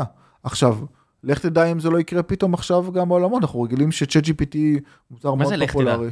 זה, זה, לא. זה, זה הולך לקרות, גוגל הולכים להרוג cookies, גוגל עושים את כל הדברים האלה, כי וגוגל מקדמים עכשיו בעצם שינוי צורה שבה אנחנו עובדים, הרי גוגל רוצים שתיכנסו לאתרים, גוגל רוצים שתיכנסו לאתר החיפוש, גוגל משלמים 20 או 18 מיליארד לאפל. דולר בשנה לאפל, כדי שאם יש לכם אייפון, תגלש, תחפש, תחפשו דברים דרך דוט קום.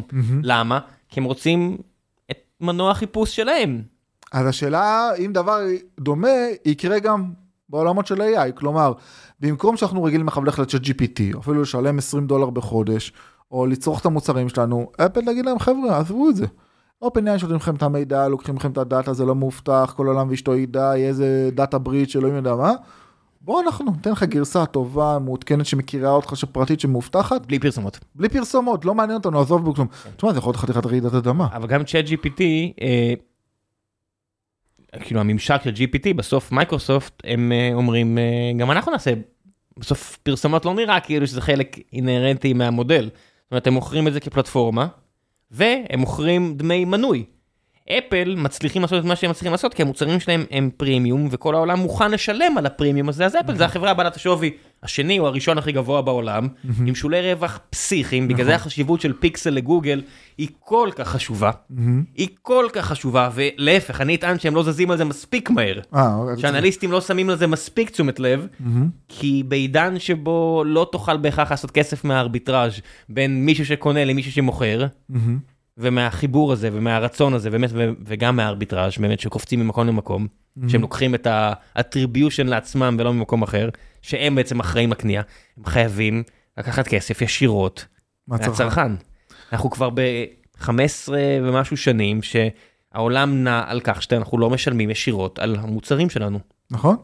זה אחד מה- השינויים הכי גדולים. נכון, דרך אגב, זה מה שגם בטוויטר הכניסו עכשיו. נכון, זה נראה לנו מאוד מובן, אבל אה, זה, אנשים- גם הרבה אנשים חשבו שזה לא יעבוד, אבל אנשים, אני גם משלם 20 דולר, או לא, 8 דולר בחודש. לצערם יש פחות ממיליון כמוך או כמוני. נכון, אבל עצם לא. זה שיהיה מיליון, שהוא רק השיק את זה, זה היה מאוד מאוד הזוי, והרבה אנשים חשבו שזה לא יעבוד לו, אבל כן, רבע מיליארד דולר אה, זה לא מספיק. זאת אומרת, 20 לא, כפול ברור, זה- זה מיליון, טיפה בים, כפול כן? 12, זה טיפה בים. אבל זה מפתיע שהטיפה הזאת כן. קיימת בכלל, זה מה שאני רוצה להגיד. זה מתחבר לעוד משהו, זאת אומרת, אם אתם רוצים את כל המגדל הקלפים הזה, ה-excess money, הכמות כסף העודפת שאפשרה לסבסד את כל הדברים האלה, ולקחת כסף מכל טרנזקציה, גם אפשרה Cloud Computing. בעצם מחשוב ענן בגוגל, מייקרוסופט או אמזון, הוא מן הסתם הרבה הרבה יותר יקר מאשר שהמחשוב יהיה אצלי.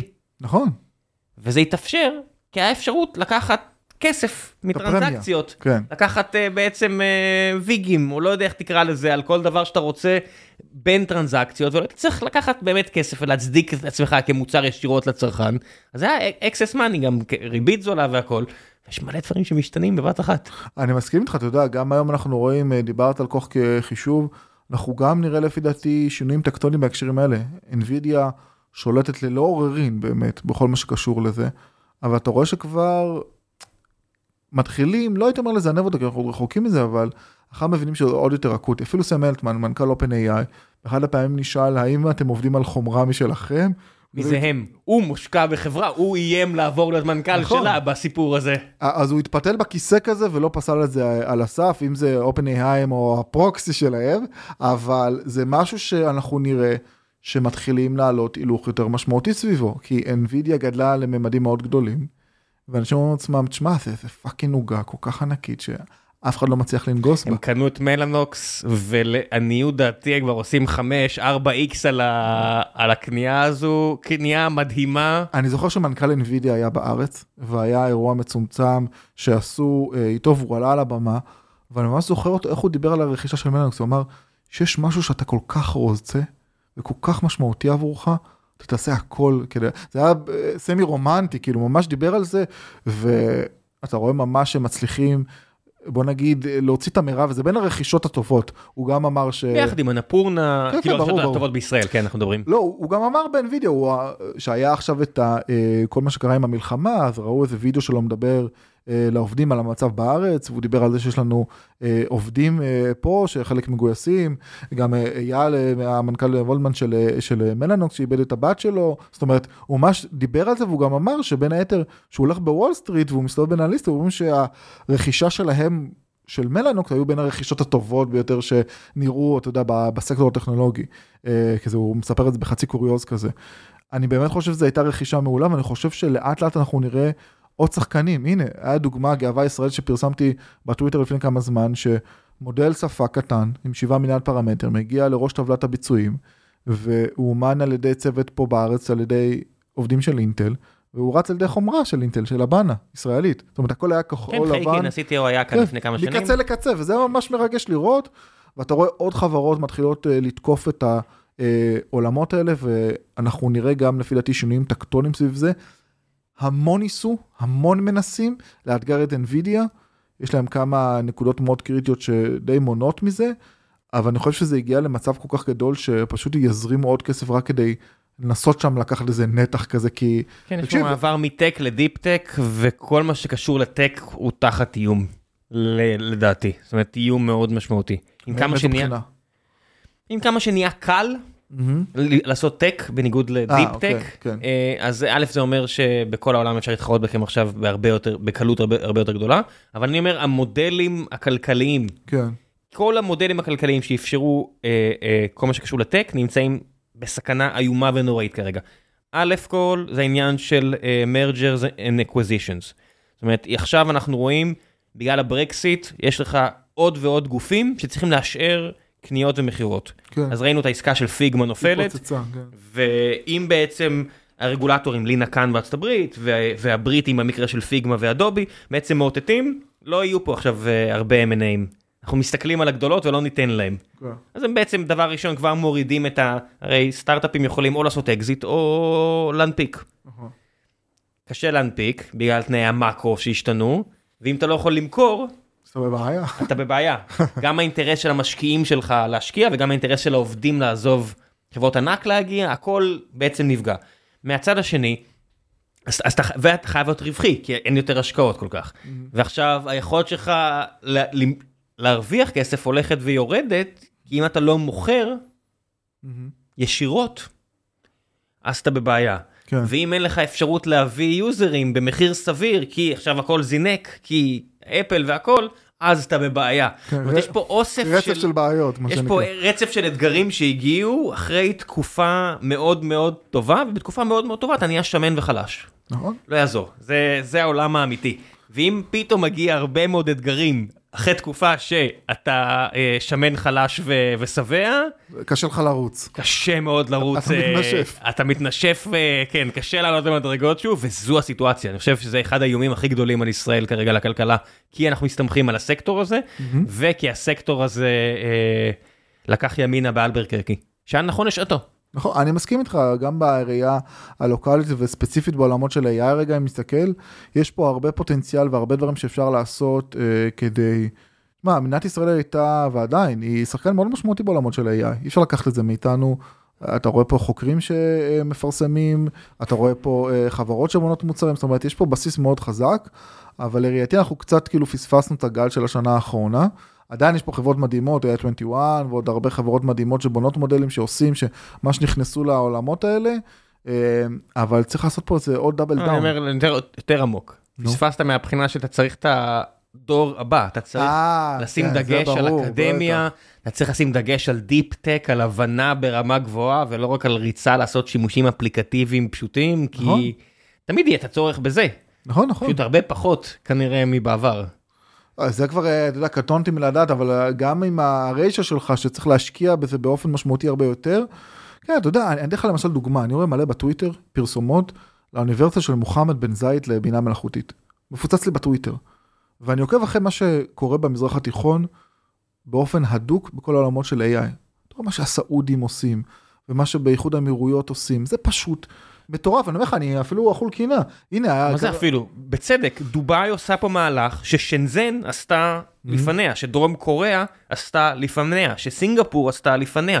אלה מקומות שהיו הכי עניים בעולם.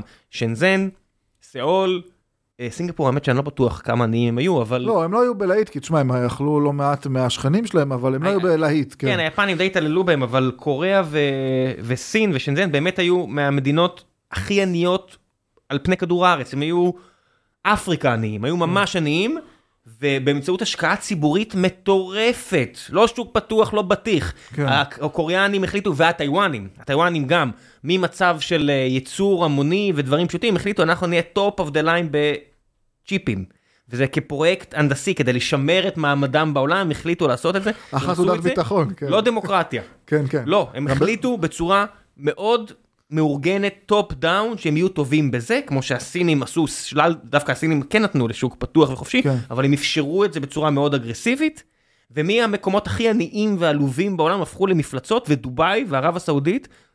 הולכים לעשות את זה עכשיו הם עושים את זה הם... כל כך הרבה נכון. עוברים את דובאי ואבו דאבי. תשמע אני רואה שם את האוניברסיטה של מוחמד בן זאיד הם בדיוק פרסמו blog post כזה שהיא קמה לפני שלוש שנים, משהו כזה, יש לה graduate רחב רק משנה האחרונה, ופתאום הם פרסמו כנס מאוד משמעותי בבינה המלאכותית, אומרים, כן, הצלחנו להכניס 37 מאמרים לשם. אתה אומר, fuck, כאילו, לגוף שקיים שלוש שנים זה הישג ממש מרשים, וה- acceptance rate הוא יחסית נמוך, ואתה אומר לעצמך שהם ממשיכים עוד ועוד, ומצליחים להקים תשתיות ולמשוך חוקרים. עכשיו, כמובן זה עדיין לא הגיע לרמה שיש בארץ, כן, רגע, אני רוצה לשים דברים על, ה, על דיוקם, אבל אתה רואה את הטראג'קטורי, אתה רואה לאן זה הולך, ואתה אומר, מדהים, גם... גם אני רואה גם בארץ הפוך, אני רואה מספיק אנשים שאנשים חושבים שהנה יהיה פה עכשיו עלייה גדולה וכולם, לא, אני רואה עוד ועוד אנשים שעוזבים, אה, חזקים מאוד, בטח בכל מה שקשור לאקדמיה ברמה הכי גבוהה.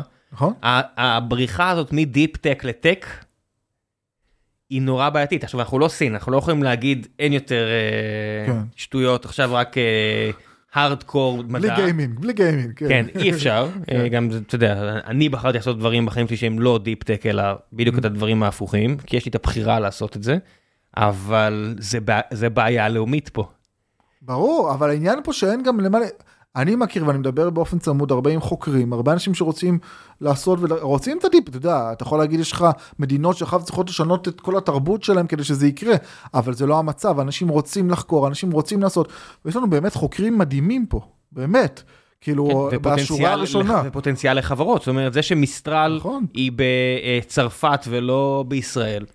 תקשיב, כן. שטקראנץ' כתבו את הכתבה עליהם, ואני בטוח שזה גם הגיע מהם, הם הוצגו כמתחרה האירופאי של OpenAI. זה היה framing, וזה משהו שלוקח לאנשים זמן לחלחל. אני כותב הרבה על המשמעות של הגיאופוליטיקה וכל הדברים האלה של AI.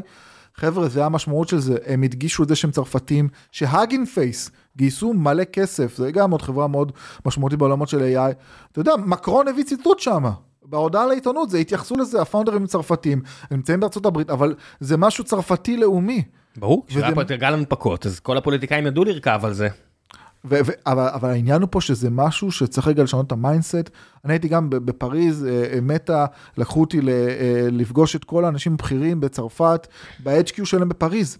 ויאן לקון, זוכה פרס טיורינג, אחד הדמויות הכי מובילות, צרפתי, ואתה רואה עד כמה הם מדברים בשבחה של האוניברסיטה הצרפתית, ואתה רואה בשבחה של ה ecosystem הצרפתי, ואתה רואה את ה mindset של הדבר הזה. אנחנו כבר, אנחנו כבר עכשיו, לעניות דעתי, בבור, ואם נתחיל לעבוד עכשיו נכון, נקבל את הפירות רק עוד 5-6 שנים, אבל זה חייב לקרות, זאת אומרת, השוק הפרטי לא יעשה את זה עבורנו. זה חייב להיות השקעה עצומה, עצומה, עצומה, בחינוך גבוה.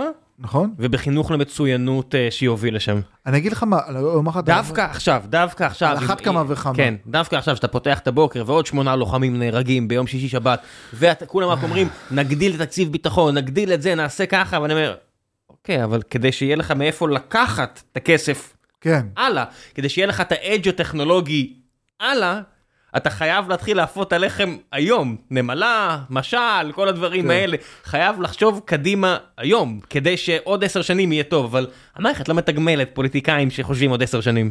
אני אגיד לך גם, לא יהיו פה. מעבר לזה גם בסוף אם אנחנו לוקחים רגע את המיקרוקוסמוס של האקדמיה בארץ, אתה יכול לעשות הרבה דברים שגם לא עולים המון המון כסף כדי לתת בוסט מאוד משמעותי. ואני רואה את זה ובאמת יש הרבה דברים. היו מצבים שחוקרים פנו אליי אומרים לי תשמע אנחנו צריכים להגיש לכנס אין לנו כוח חישוב. אתה תעזור לנו להתארגן תשיג לנו קרדיט דבר עם חברות. אני אומר לעצמי איך הגענו למצב כזה חוקר צריך להגיש מאמר לכנס שהוא בטופ 5 העולמי ו- ואין לו כוח חישוב הוא לא יודע איך להתארגן זה, זה, זה בושה. ואני אומר אני שמעתי את זה הייתי בהלם או כל מיני אתה יודע כאלה שצריכים רגע חיבורים ו- ו- ו- וכל מיני אפילו גרנטים ומענקים ואתה אומר לעצמך. זה כסף קטן באמת אני אומר לך ראם זה, זה כסף קטן של הכסף זה קופה קטנה של קופה קטנה של המדינה. ואתה אומר לעצמך כאילו איך אנחנו רוצים להוביל בתחום של AI אם אנשים צריכים לקוששים אה, כוח חישוב. לא, הם פשוט יעזבו, הבעיה הכי גדולה זה האנשים עצמם. הם פשוט יעזבו למקום אחר, הם יעזבו לקליפורניה, הם יעזבו לפריז, הם יעזבו לבוסטון, הם יעזבו ל- ל- לניו יורק. והאנשים האלה כן. מאותתים לה הנה דיברנו על איחוד האמירויות בוא קח ויזת זהב תושבות מ-day one תחקור קח כמה GPU שאתה רוצה כמה דאטה כמה מה שאתה רוצה רק תבוא ותחקור תוציא מאמרים אצלנו הכל טוב נדאג לך לילדים לזה מסגרות בית ספר פרטי בינלאומי. ו- וזה קטסטרופה מנגד אבל אני רואה חוקרים שלא רוצים לעזוב אני העליתי פוסט עכשיו בקבוצה בעקבות השימוע שהיו לשלושת הנשיאות ביקשתי מחבר'ה שקצת אה, יספרו יש לנו הרבה חוקרים בקהילה שהם נמצאים אה, בחול. והם שיתפו אומרים שמע גם המצב במדעים מדויקים הוא, הוא מאתגר הוא הרבה יותר טוב ממדעי הרוח אבל לא קל. האנשים האלה גם רוצים להישאר פה הם רוצים לבוא ולחקור פה ולהיות תחת הכובע של מדינת ישראל אבל זה לא מספיק זה לא מתאפשר להם. ואנחנו צריכים בתור מדינה להבין איך אנחנו מאפשרים לדבר הזה לקרות כי אחרת אנחנו מפספסים. בוא נעשה קצת אה, שאלות מן הקהל אה, לפני שנסיים. אה, שנייה, איפה שמתי לך את זה? וואו, כמה קשקושים יש פה. תוכן, אה, תוכן למטה. כן היה בפייסבוק והיה גם בטוויטר. כן, נגיע להכל. הנה. אוקיי, האם כבר קיים צ'טבוט מבוסס artificial intelligence שתומך ב-100% בעברית ולא נשמע עילג ויוכל לספק תשובות על סמך מידע באתר מסוים? לא, שאלה טובה, אני נדרש על זה הרבה, על כל הנושא של העברית. אמ, אין משהו שאני ראיתי שמניח את הדעת, יש כל מיני פתרונות, חלק אצל ספקיות הענן הגדולות, חלק אנשים שתפרו ביד, אין עדיין משהו הוליסטי אה, שעובד מקצה לקצה, באנגלית זה לא עובד מושלם, בעברית זה, בוא נגיד, עוד קצת רחוק מזה, אבל אם אנחנו מצליחים לצמצם את עולם הבעיה ומצליחים רגע לגרום אה, למשימה להיות מאוד מוגדרת, אני מאמין שאפשר למצוא דברים שכבר מניחים את הדעת, אבל אנחנו עדיין רחוקים מזה. אז כן, התפתח שם קצת דיון, אם אתם רוצים להגיע, פורום החיים עצמם של גיקונומי, תמיד מוזמן, יכולים להשאיר שאלות ולקרוא את הדיונים. אה, זאב קופל שואל, היי, יש הרבה, אני לא יודע למה זה עובד ככה או לא עובד כצפוי ב-AI, האם זה נובע מכמות הפרמטרים שהאימון, אה, שבעצם מאמנים את המודל, או סיבות אחרות שמעידות על מה שאנחנו עדיין לא יכולים להבין? הוא מדבר לגבי מה, היכולות הכלליות של AI, של מודלים? אני חושב באופן כללי לדבק, לדבג אה, מודלים. כן, אז בוא נגיד ככה, המודלים האלה הם דבר מאוד מאוד גדול, וכל הסוגיה של אקספלנביליטי היא גם בעיה של חוקרים וגם בעיה של הרגולטור. אנחנו עם הזמן רואים מודלים שאולי קצת יותר אה, קל להבין אותם, יש אפילו דוגמה של OpenAI שהשתמשה ב-GPT 4 כדי להסביר את GPT 2, שזה היה ממש אה, מרתק. תמיד יש את ה trade-off, עד כמה אנחנו רוצים שהמודל יהיה יותר אה, טוב וחזק, לעומת כמה אנחנו רוצים שידע להסביר את עצמו. והאנושות כיום מעדיפה את החזק. ויכול להיות שבנקודות מסוימות בחלק מהמקרים אנחנו נצטרך את ה explainability אבל יש מקרים שאנחנו נעדיף את הפתרון למרות שלא נוכל ל- ל- לדעת מה הסיבה לזה ולאט לאט אתה יודע אנחנו נשתפר בשני הדברים. אה, מתי יגיע ה unicorn הראשון ללא עובדים? אה וואו אני חושב שזה עוד רחוק.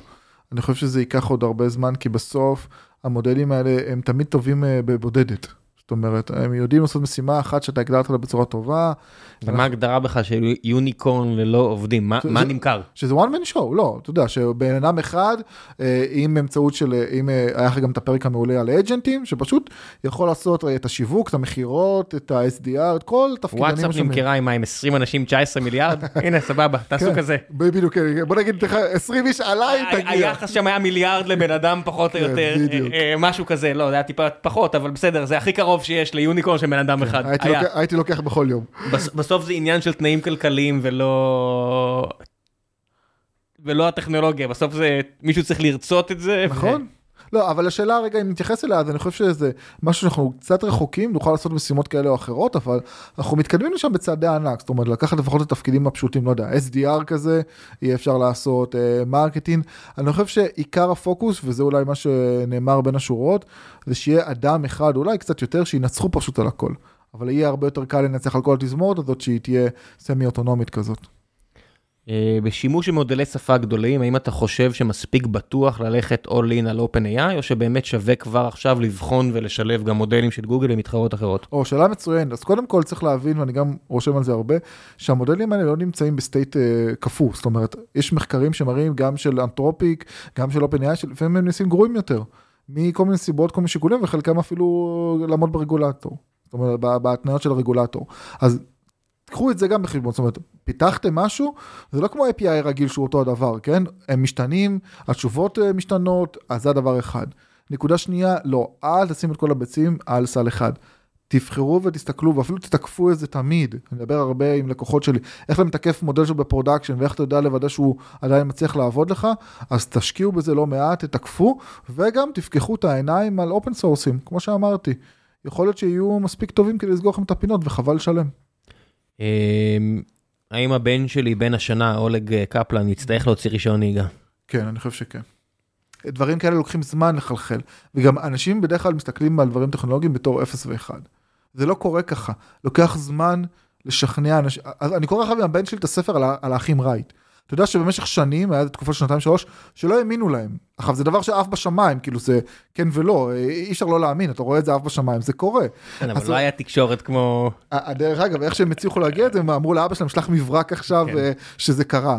עכשיו, למה אני אומר את הדבר הזה? כי גם אם דבר קורה, יהיה רכב אוטונומי, עד שנגיע למצב שבו אף אחד לא יצטרך לעשות רישיון, ייקח עוד קצת זמן. מה שכן יכול להיות, גם זה לא נקודה בודדת בציר הזמן. אני אומר, אם אולג, אם תעבור לאיזה דובאי. או לאבו דאבי, כמו שאני מכיר אנשים שהיגרו, יכול להיות שבמקום כזה, בטח עם התנאים האקלימיים שיש שם, שבמקום מכוניות, למרות שהם נורא אוהבים את המכוניות היקרות שלהם, כן. אבל זה בשביל פוזה כזה. יש שם תחבורה ציבורית נכון. אוטונומית כל כך אה, מוצלחת, או בכלל תחבורה ציבורית כל כך כן. טובה, כמו שבניו יורק יש הרבה אנשים בלי רישיון, נכון. כי הם לא צריכים אותה. נכון. זה אני חושב הסיכוי הכי טוב ל... שלא... שהילד שלך לא יצטרך רישיון נהיגה, זה שפשוט התחבורה הציבורית, בגלל היתרונות הטכנולוגיים, כן. ובגלל העובדה שהיא לא מזהמת. זאת נכון. אומרת, יש כבר, גם בתל אביב, האוטובוסים כבר הם שקטים, חשמליים, כן. חשמליים, הם יעבדו יותר טוב, אתה תדע מתי, שהשדרוג לתחבורה הציבורית יהיה כזה, כן. שלא נצטרך יותר אה, אוטו פרטי, זה יכול להיות. דרך אגב, אני אוהב את הנקודה הזאת, כי הרבה פעמים אנחנו טועים לחשוב שהפתרון הטכנולוגי הגיע מהמשכיות של מה שקורה היום. אתה יודע, זה כמו שאני אשאל את, אה, את אה, אימא שלי, האם חשבת ש... לא יודע, סבא שלי, האם תמשיכו אה, לקנות אה, גושי קרח? אבל אף אחד לא חושב על זה שפשוט היית קונה קרח במכולת. אותו דבר כמו עם הרכב, זאת אומרת, יכול להיות שיהיו פתרונות אחרים שלא קשור לאוטונומיות. אבל, ואני מתחבר גם למה שאמרת, אני חושב שלאט לאט אנחנו נעשה רגע, נפרק שכבה ושכבה. אז קודם כל זה יהיה נגיד רק מוניות או רק משאיות, ו- ועד נגיע למצב שהרכב הפרטי כולו כבר אה, לא, חלק לא מהעולם הזה, ייקח קצת זמן, אבל בדרך יהיו הרבה אבני ביניים.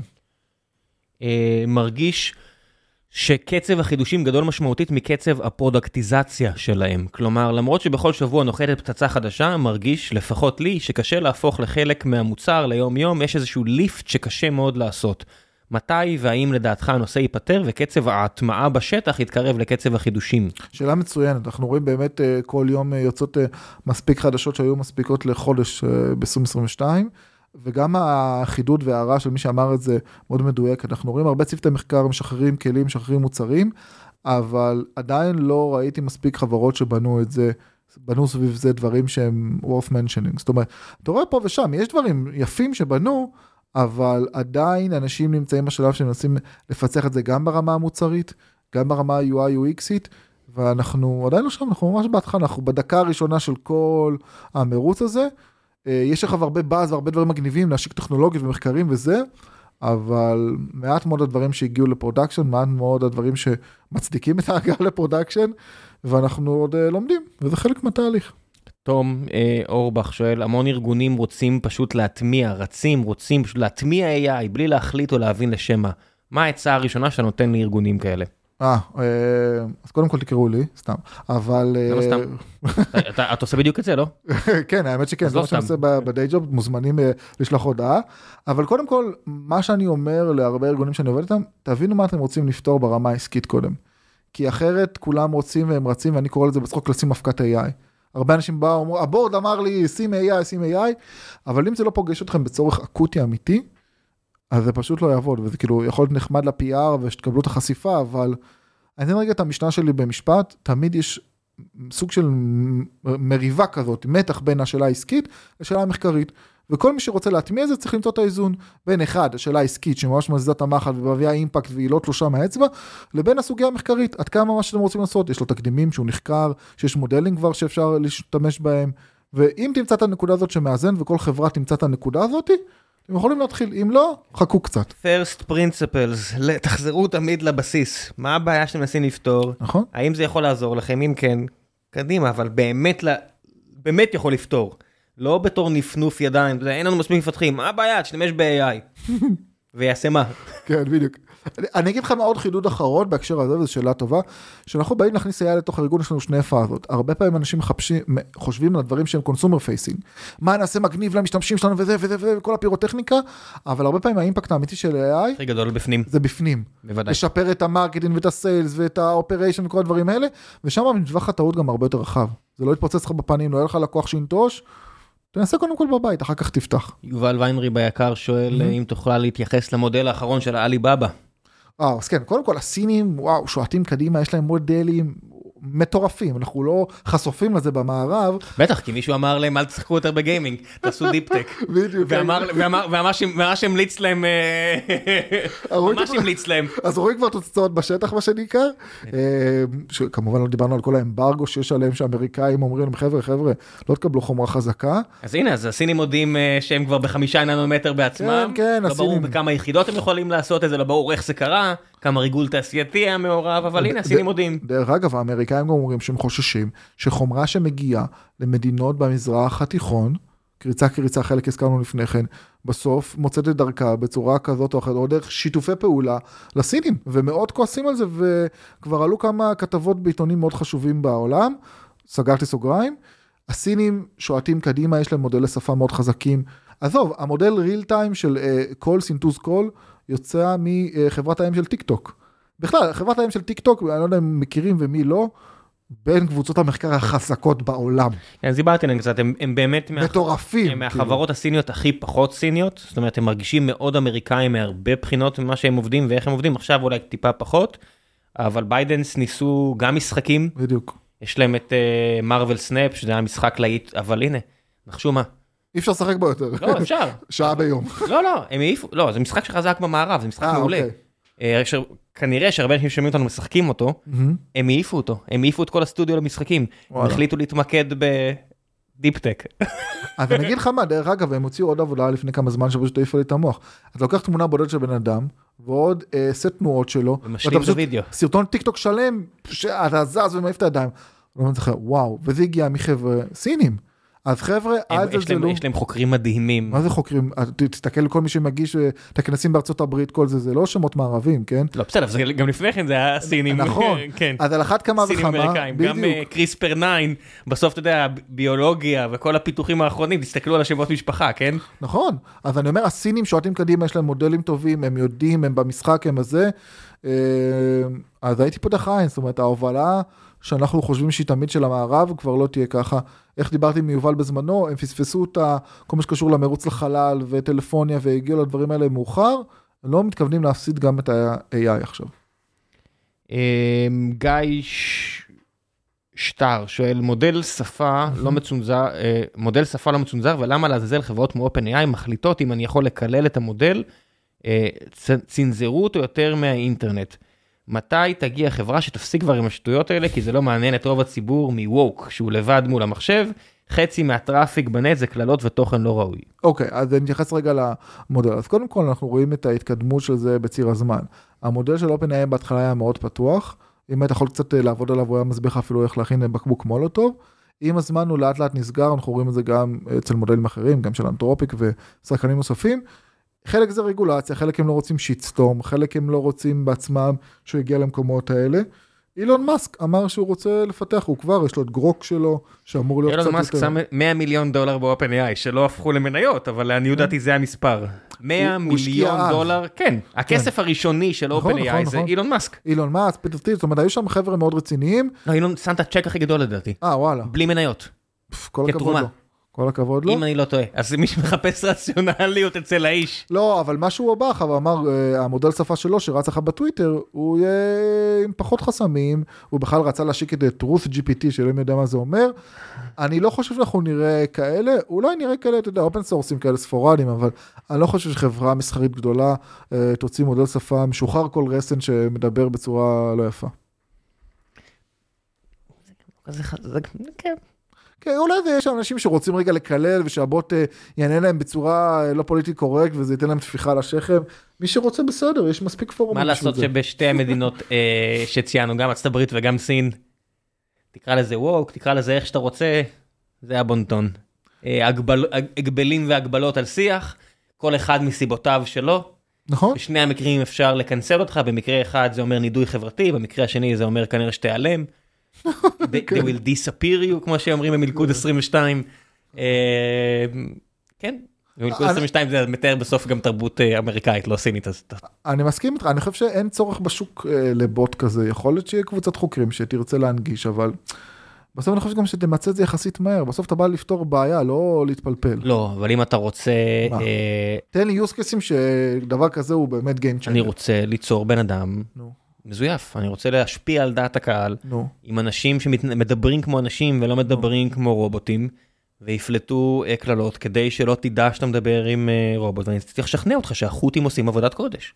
אוקיי. יש לי מטרה מאוד אה, ספציפית וחשובה, ואני צריך לשכנע אנשים... אה, אוקיי, אבל חוץ מזה, נגיד לבן אדם זה לא הרגיל. מספיק חשוב. לא, זה סבבה, תתכבד אותה מדינה שרוצה לעשות, תיקח איזה open source, תעשה לו אה, אימון מחדש, סלמתק, סיימת. אה, אתה יודע, כמו שהרוסים כבשו ב-2014 את אוקראינה עם ליטל גרין מן, אז אה, שהיום אנחנו כבר יודעים שזה היה כוח צבאי רוסי, כן. בדיעבד, לא של אז לא ידענו, אבל אה, אז גם עכשיו ככה אפשר לשחרר מודלים כאלה, כי יש להם סיבה ואתה רוצה לתת, יש אה, כוח לפרי ספיץ' שמנצלים אותו. אני מסכים, לא, אני חושב שברמת מדינות זה כבר משהו שמזמן אפשר לעשות. ברמת אה, ליצור מוצר כזה ל-consumer, לא יודע, מי שחושב שזה נכון. בסוף זה רק שפה, שפה זה, זה נכון. הטכנולוגיה הכי חשובה שבני אדם פיתחו אי פעם, אבל יש נכון. כל כך הרבה AI ו-ML אחר מעבר ל- לשפה. אה, האמת שזה נכון, אני רגע רוצה להתייחס גם לזה, אנחנו מדברים הרבה על מודלי שפה וזה, אבל AI ו-machine learning זה כל כך הרבה דברים אחרים. ואפרופו מי ששאל לגבי מה אפשר לעשות עם זה בעסק, תסתכלו על הדברים האלה, על ה-good old fashion machine learning, anomaly detection, זיהוי צ'רן, דברים כאלה שמזים את המחט הרבה יותר מהנה בוט שמסכם לי פגישה או משהו כזה, אז זה גם, גם מסר מאוד חשוב. יש כל כך הרבה דברים מדהימים שאפשר לעשות עם machine learning ו-AI, שלא בהכרח מודלי שפה, איכשהו זה יתכנס לשם בשנה האחרונה, אבל זה עולם עצוב ומרהיב בלי קשר רק למודלים האלה. כן. ובנימה זו, כן. עד הפעם הבאה, בטח יקרה עוד הר- הרבה דברים אז. רגע, המלצות. הפעם אמרת לי שאתה מתכונן. אה, המלצות, אה, וואו, כן, בסוף זה ברח לי, אבל קודם כל, אה, מי שרוצה להצטרף לקהילה, אז אתם יותר ממוזמנים, אנחנו מדברים שם על כל התחום הזה, יש הרבה אנשים שכותבים, משתפים, ש... אז אתם ממש ממש אה, מוזמנים לזה. אנחנו עושים גם מדי פעם אה, לייבים כאלה שרוצים אה, קצת להסביר קצת יותר על הנושאים הא- האקוטיים. וזהו, האמת שלא, בסוף ברח לי, לא, לא, לא חשבתי על זה, אבל אם יהיו עוד דברים אני אשלח לכם. אבל. דיברנו מראש. כן, דיברנו שלא- מראש, כן, כן, כן, זה תואם. אני אגיד לך, מאז המלחמה פשוט הפסקתי לקרוא ספרים ולהאזין לדברים, נראה לי זה לא כזה. אז אני צריך לחזור על זה ואני אמליץ. כן, אז אני כרגיל אמליץ עד שזה לא ייגמר, Slow Horses באפל TV, סדרת Mm. טלוויזיה מושלמת, מוש מוש מוש, גרי אולדמן אה, בסדרה על אה, MI5 הבריטי, פשוט אה, טלוויזיה עילאית, באמת, אם יש לכם את המצב רוח והיכולת... זה עלילה או דוקו? כזה, או- עלילה, עלילה, עלילה, עלילה, אוקיי, כן. שלוש עונות, כל עונה כמו Mm. עונה בריטית זה רק שישה פרקים. אוקיי, אה, עכשיו, אה, השב... יום רביעי הקרוב תסתיים הס- הסדרה השלישית, העונה השלישית, וכמו כל סדרה בריטית טובה, כמו טופבוי, כמו סדרות אחרות, לא הרבה פרקים וזה נגמר. אוקיי. זה לא נמשך. אה, ממש כאילו... זה לא אמרו- גומי. אה, וואו. זה נגמר, אז יש תחושת ריקנות כשזה נגמר, בטח כמו עם טובוי, סדרה שמאוד אהבתי אה, ולא הבנתי מילה ממנה, כי זה בבריטית, אה, מבטא כבד כזה? לא, לא מבטא, זה של אה, עבריינים בריטים. אה, מינוח כזה. הם מוסיפים גם, האנגלית היא קלוקלת בכוונה, אה, אוקיי. זאת אומרת, כי ככה הם, מדברים. כנראה, אני יודע מה, אני לא, לא באמת חי בלונדון, אבל סדרה גם נפלאה שגם הסתיימה, אז אה, טובוי בנטפליקס הסתיימה, אה, גם סיפור נורא מדהים, אתה מכיר את הסיפור? לא, לא מכיר. הוציאו אה, שני, שתי עונות לפני איזה עשור, אוקיי. הסדרה בוטלה, ואז דרייק, אה, שראה. ואהב, אני חושב שהוא המפיק שלו, הוא שם את הכסף, הוא שכנע לעשות את הסדרה החדשה, וזה עם אותם דמויות רק עשר שנים אחרי זה. דאם. הביאו את כל השחקנים, כל הקאסט, הכל? אה, חלק, תושם, אה, כן. חלק, אה, גם כי זה סדרת פשע, אז חלק מהם לא ממשיכים איתנו מסיבות אה, ברורות, ו... וזה עם מוזיקאים, כולם שם מוזיקאים בריטים. וואלה. אז מהרבה מהבחינה הזו שכמו שהסמויה הייתה בעצם עם שחקנים שהם לא שחקנים, מהמם. אז גם כאן זה הקטע, זה מוזיקאים שהבריטים מכירים שמחוץ לאנגליה הם לא מוכרים, אוקיי. אה, אתה רואה את זה לפי המספרי ספוטיפיי שלהם. כן. אם יש לך פחות מסטטיק ובן אל, אתה לא. אז זה כנראה שאתה לא באמת עצום, אבל הם פשוט אה, סדרה פנטסטית, זה בנטפליקס, ו-Slow Horses, גם בריטי, אה, ב-Apple TV. לא יודע, בא לי קצת אה, לאחרונה לפחות על ה-understatement, או על הגישה הבריטית הקצרה, הקטנה ולא לא מפוצצת מדי, אז אם אין לכם בעיה עם אלימות, או אז זה, זה טוב, או אם אין לכם בעיה עם אה, תככים בינלאומיים, זה הכל דברים שעלולים לטרגר כן, בדיוק, ישראלים ככה, זו בימינו תקופה אנו. רגישה מאוד. כן. אה, אז זה שתי ההמלצות שלי הפעם. יאללה, עד הפעם הבאה. ביי ביי. רגע, רגע, רגע, לפני שאנחנו מסיימים, יש לי פה עוד משהו שרציתי להעביר. יש חבר'ה שעובדים על פרויקט AI שקשור לשפה העברית. זה פרויקט לא למטרות רווח, זה נקרא עברית AI. הוא הוקם במאי כדי לדאוג שעברית תהיה uh, אזרחית של כבוד בעולם ה-AI, וכדי לעשות את זה הם אספו כבר מעל לעשרת אלפים שעות תוכן ברישיון ייחודי, שמאפשר להם uh, להשתמש בו לאימון מודלים, זה גם uh, מגיקונומי מן הסתם, וגם uh, מ-MDLI, שקיבלו בו את האישור מאורחנו היקר. אז כמו שאמרנו, לתייג עשרת אלפים שעות זה המון עבודה, והם מאוד מאוד ישמחו לעזרה. הם פתחו אתר לצורך הזה, זה uh, serve.ivrit.ai, אני אשאיר לכם את הלינק, אתם מתחברים, מקבלים קטעים לתמלול, כל אחד באורך של שתי, שתי שניות עד 30 שניות בערך, uh, חמש דקות תמלול שלכם ביום, ואני מניח שאתם יכולים למצוא חמש דקות כדי לעזור למטרה כל כך טובה, תספיק להם כדי לבדות מודל עברית מבוסס וויספר, כל העבודה שלהם היא כמובן פתוחה, גם המידע עצמו, גם התיוגים, גם המודל, אה, יש להם, אה, יש לינק באתר הבית, עברית.ai, אה, וזהו, זו עבודה מאוד טובה של חבר'ה טובים, יניר מרמורק, נרת משגב, יאיר שיצר איתי קשר, אחלה חבר'ה, וזהו, המון המון תודה להם, ומקווה שאתם יכולים לעזור להם, ושיהיה המון המון בהצלחה לכולם.